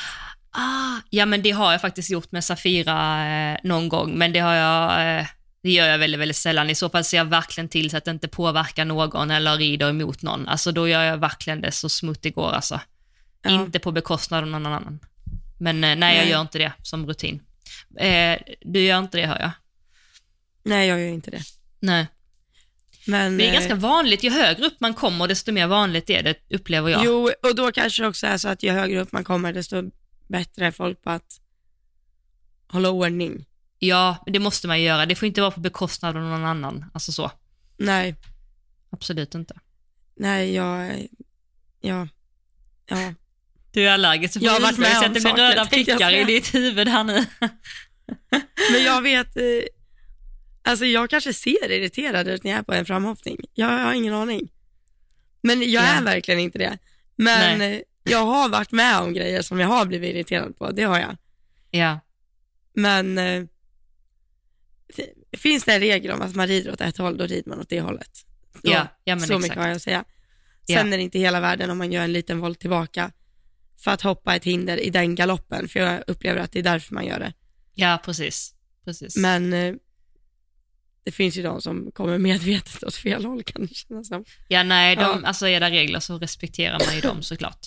Men på tal om regler, jag tänker om vi ska runda av lite, ehm, eller så, gå mot, lite mot slutet i alla fall. Det var ju en som eh, frågade lite om vi hade några sådana här eh, do and don'ts som vi tyckte angående tävling. Mm. Har vi något Ja. att säga där? Jo, men det är, dels så var vi redan inne på en tidigare med framhoppning, att liksom ha en plan så man slipper ta en diskussion där. Ja, Det tycker jag är viktigt. alltså att uppföra sig på tävling Ja, generellt. precis. Liksom. Att inte höja rösten och skrika på varandra och så. Ja, alltså generellt ja. Och samma sak om du går ut från banan, om du, om du är besviken liksom. Man behöver inte skrika det till mamma det första man gör. Nej, När man och kommer inte ut. låta det gå ut över hästarna heller. Nej, nej. Det, är- det kan vara det absolut värsta jag vet tror jag. Mm. Folk som eh, inom situationstecken straffrider efter mål. Mm. Alltså det är Det så är- dumt så att det är... Alltså det, det, är är inte bara så är, idiotiskt. Det, alltså det, alltså inte bara att det otroligt. är illa, alltså att det är illa att göra det, det är bara också väldigt okonsekvent. Alltså som att hästen i så fall skulle förstå den bestraffningen. Om, alltså det gör den ju inte heller. En häst förstår ju inte någonting i efterhand. Och sen Nej. är det ju bara jäkligt illa att, alltså man, att, att behandla hästen illa. Men jag menar om man utgår, om man bortser från det så är det också väldigt oproduktivt att göra på det sättet. ja, nej, det är för mig helt otroligt. Hur man, alltså när man verkligen ser att ryttaren är upprörd liksom. Ja, ja, precis. och därför rider på ett annat sätt. Nej, nej, Nej, det går bort. det går bort. Det går bort. Det går verkligen Ehm, bort. vi, en annan sak jag hade önskat var lite mer, är att det skulle vara mer flygande besiktningar än eh, vanliga besiktningar. Det hade jag, det kan inte så mycket do and don'ts, men det är någonting som jag tycker hade upp. Flygande, eller hade- förlåt. Vadå? Flygande, hur tänker du då? Alltså flygande när en veterinär sitter på exempelvis framhoppningen och man kommer in där och säger sitt namn och så tittar veterinären på hästen när man travar Ja, den sant. uppsuttet ett varv istället för att stå och besiktiga eller ställa sig i ett led med hästen alltså vid hand och springa med den upp det, och ner. det, precis, det där tänkte jag säga med besiktning. Och det här är inte någon så här do and don'ts till ryttare utan mer till tävlingsplatser. Ja, d- Att precis. snälla gör en plan för att det kommer stå 20 hästar i kö. Mm. Det är Och det är ju livsfarligt. typ den farligaste, ja. Är det någon gång det har hänt att alla hästar står så här och väntar? Nej. Nej. Och då är de Och så här, men vi löser det, man måste ha hjälm hänt? på sig. Ja. Har det någon gång hänt att veterinärbesiktningen inte är i vägen för de som är tävlande? Mm. Nej, den är alltid mitt i. Mm. Eller liksom, alltså det är helt otroligt. Mm. Men, eh, ja, som om hjälmen hjälper då. Nej, ja. Nej, det, är liksom, det, det blir en farlig situation. Jag tror att det hade kunnat flyta på så himla mycket, både för tävlingsarrangören, för veterinären, för ryttarna och för hästarna och för alla. Det där Eh, håller jag alltså helt, jag har inte ens tänkt på att man skulle kunna göra så. Men det är ju samma sak i dressyr, här är det inte ens veterinärbesiktning för då bedömer ju domarna Ja, hästens rörelseschema, vilket i sin tur kan vara lite skevt för hur bedömer man en hästs hälta om den inte går i fri form? ja. Ja, men det är också en sån, och, ja. Nej men eh, generellt liksom, eh, det är dumt. Gud, tänk om man hade haft så att veterinären stod på framhoppningen och sen innan du får börja hoppa fram så måste du trava hästen på lång tygel runt spåret. Ja, men det är typ. ju det som är flygande besiktning. men varför har jag aldrig hört det? Har ni inte det uppe hos er? Nej. Skämtar du? Det är det Va? sjukaste jag har hört. Jag trodde det var okej. Nej, alltså det, det är ju, eh, jag skulle inte säga att det är supervanligt. Alltså det är ju väl, alla vet ju nog vad det är här nere i Skåne, men det är väldigt sällan vi har det. Alltså det är vissa tävlingar som har det. Och jag vet inte om det är upp till tävlingsarrangören eller det är veterinären som bestämmer det. Men eh, det är ett fantastiskt koncept. Men gud, hade det stått i ett ryttarmeddelande någon gång jag kommer till tävlingen, då hade jag fan gått och Nej, letat efter intressant. en flygplatta. Nej, vad sjukt. Vad Nej, jag alltså, har ingen aning om vad det är. Oj, okej. Ja, men det är ju, ja. Men det är i alla fall någonting som hade varit, eh, och det är som att man ska rida på, du får liksom, du, du ska, när du kommer in direkt så säger du, hej, det här är eh, min häst, eh, den heter så här, och de kollar så att du har nummer, rätt nummer på dig och sen så får du direkt innan du börjar hoppa fram, alltså ta ett varv och sen så rider du Men- fram och så får du ett OK liksom. Ja, okej. Men Ja. kollar de mungipor då? Vad sa du? Kollar de inte mungipor? Nej, det gör de ju faktiskt inte, men det kan komma sådana stickprov eh, faktiskt. Vissa veterinärer har att de kommer fram eh, och tittar helt plötsligt. liksom.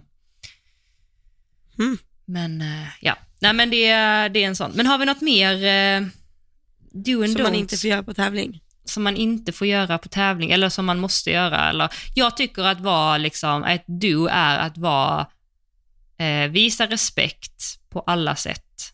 Eh, och också vara trevlig. Alltså man behöver inte vara överdrivet trevlig, men typ, alltså säg hej och så när man kommer in i sekretariatet, kanske tacka, tacka för fina tävlingar, alltså göra det lättsamt, inte, inte ha liksom sur attityd, det tycker jag. Ehm, ja, Det tycker jag har lite allmänt med folk i den här branschen överhuvudtaget. ja, så kan det Liksom. vara. Så kan det vara. Att det, det är nog inte bara tävling det gäller, utan då skulle vi kunna gå in på eh, stå uppstallad i kollektiv. Det kan Ja. vi prata om.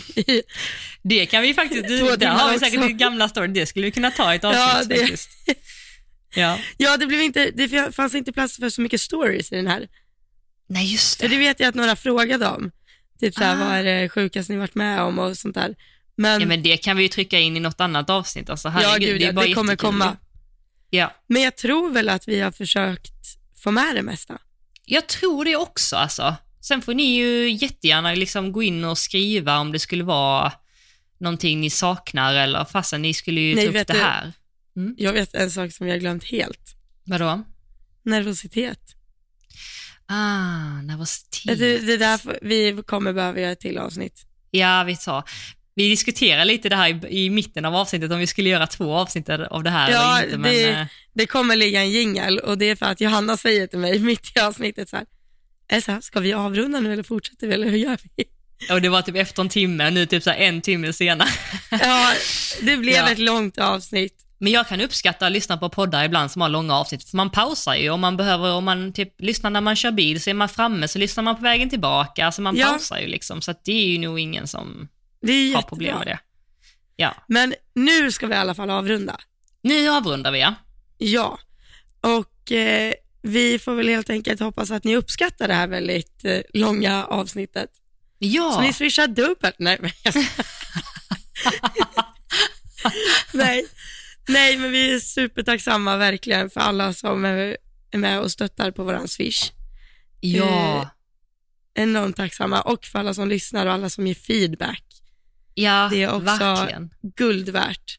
Det är så Eh. många som är aktiva på vår eh, DMs ju, på Elsa och Johanna Instagrammen. Ja, Och det är jättekul. Och sen kan vi också säga, för det har ju du löst Elsa, att när vi länkar någonting i vår story, Mm. eh, så fattar vi ju att man lyssnar ju inte samma dag som eh, poddavsnittet kommer ut alltid. Och då har vi gjort höjdpunkter, eller du har gjort höjdpunkter, Mm. så att man alltid kan gå in på höjdpunkter och ta fram det där. Jag funderar på om man kanske skulle gjort så, för, för två avsnitt sen så pratade vi om Linneas runda exempelvis, och så länkar vi till Mm. hennes story på vår story. Man skulle kunna skrivit typ så här avsnitt nio. ja jag vet. Jag tänkte också på det. Att Ja. man kan ha en höjdpunkt för det avsnittet det gäller. Det, ja, trycker ja, man så bara- vet ja, man. Ja, men det kan Ja. vi lösa. Så vet vi det. löser det, så det blir Yes. smidigt. Men Ja. Johanna, du ska få i vanlig ordning få säga ett swishnummer som också står på våran podd Instagram. Ja, exakt. Vi har ett swishnummer och eh, nu ska jag läsa det på det sättet som du tycker om när jag gör Elsa. Ja. Som ekonomen eh, direkt. Som- Ja. Exakt. Då är swishnumret 1232 981 231. Ni är stockholmskan på slutet. Två, tre, ett. Jag jobbar på SAS. Ja men alltså hörni, tack snälla för att ni har eh, lyssnat idag och eh, när ni har lyssnat idag bara känna så här, fasen kan ni inte snacka om det här? In och lägg ett DM till oss då så kanske vi tar upp Ja. det eh, nästa vecka. Ja. Det blir Ja toppen. men bra. Tack snälla ni, ni är eh, fantastiska och eh, Elsa vi hörs nästa vecka. Det gör vi. Puss och kram, Puss hej. hejdå!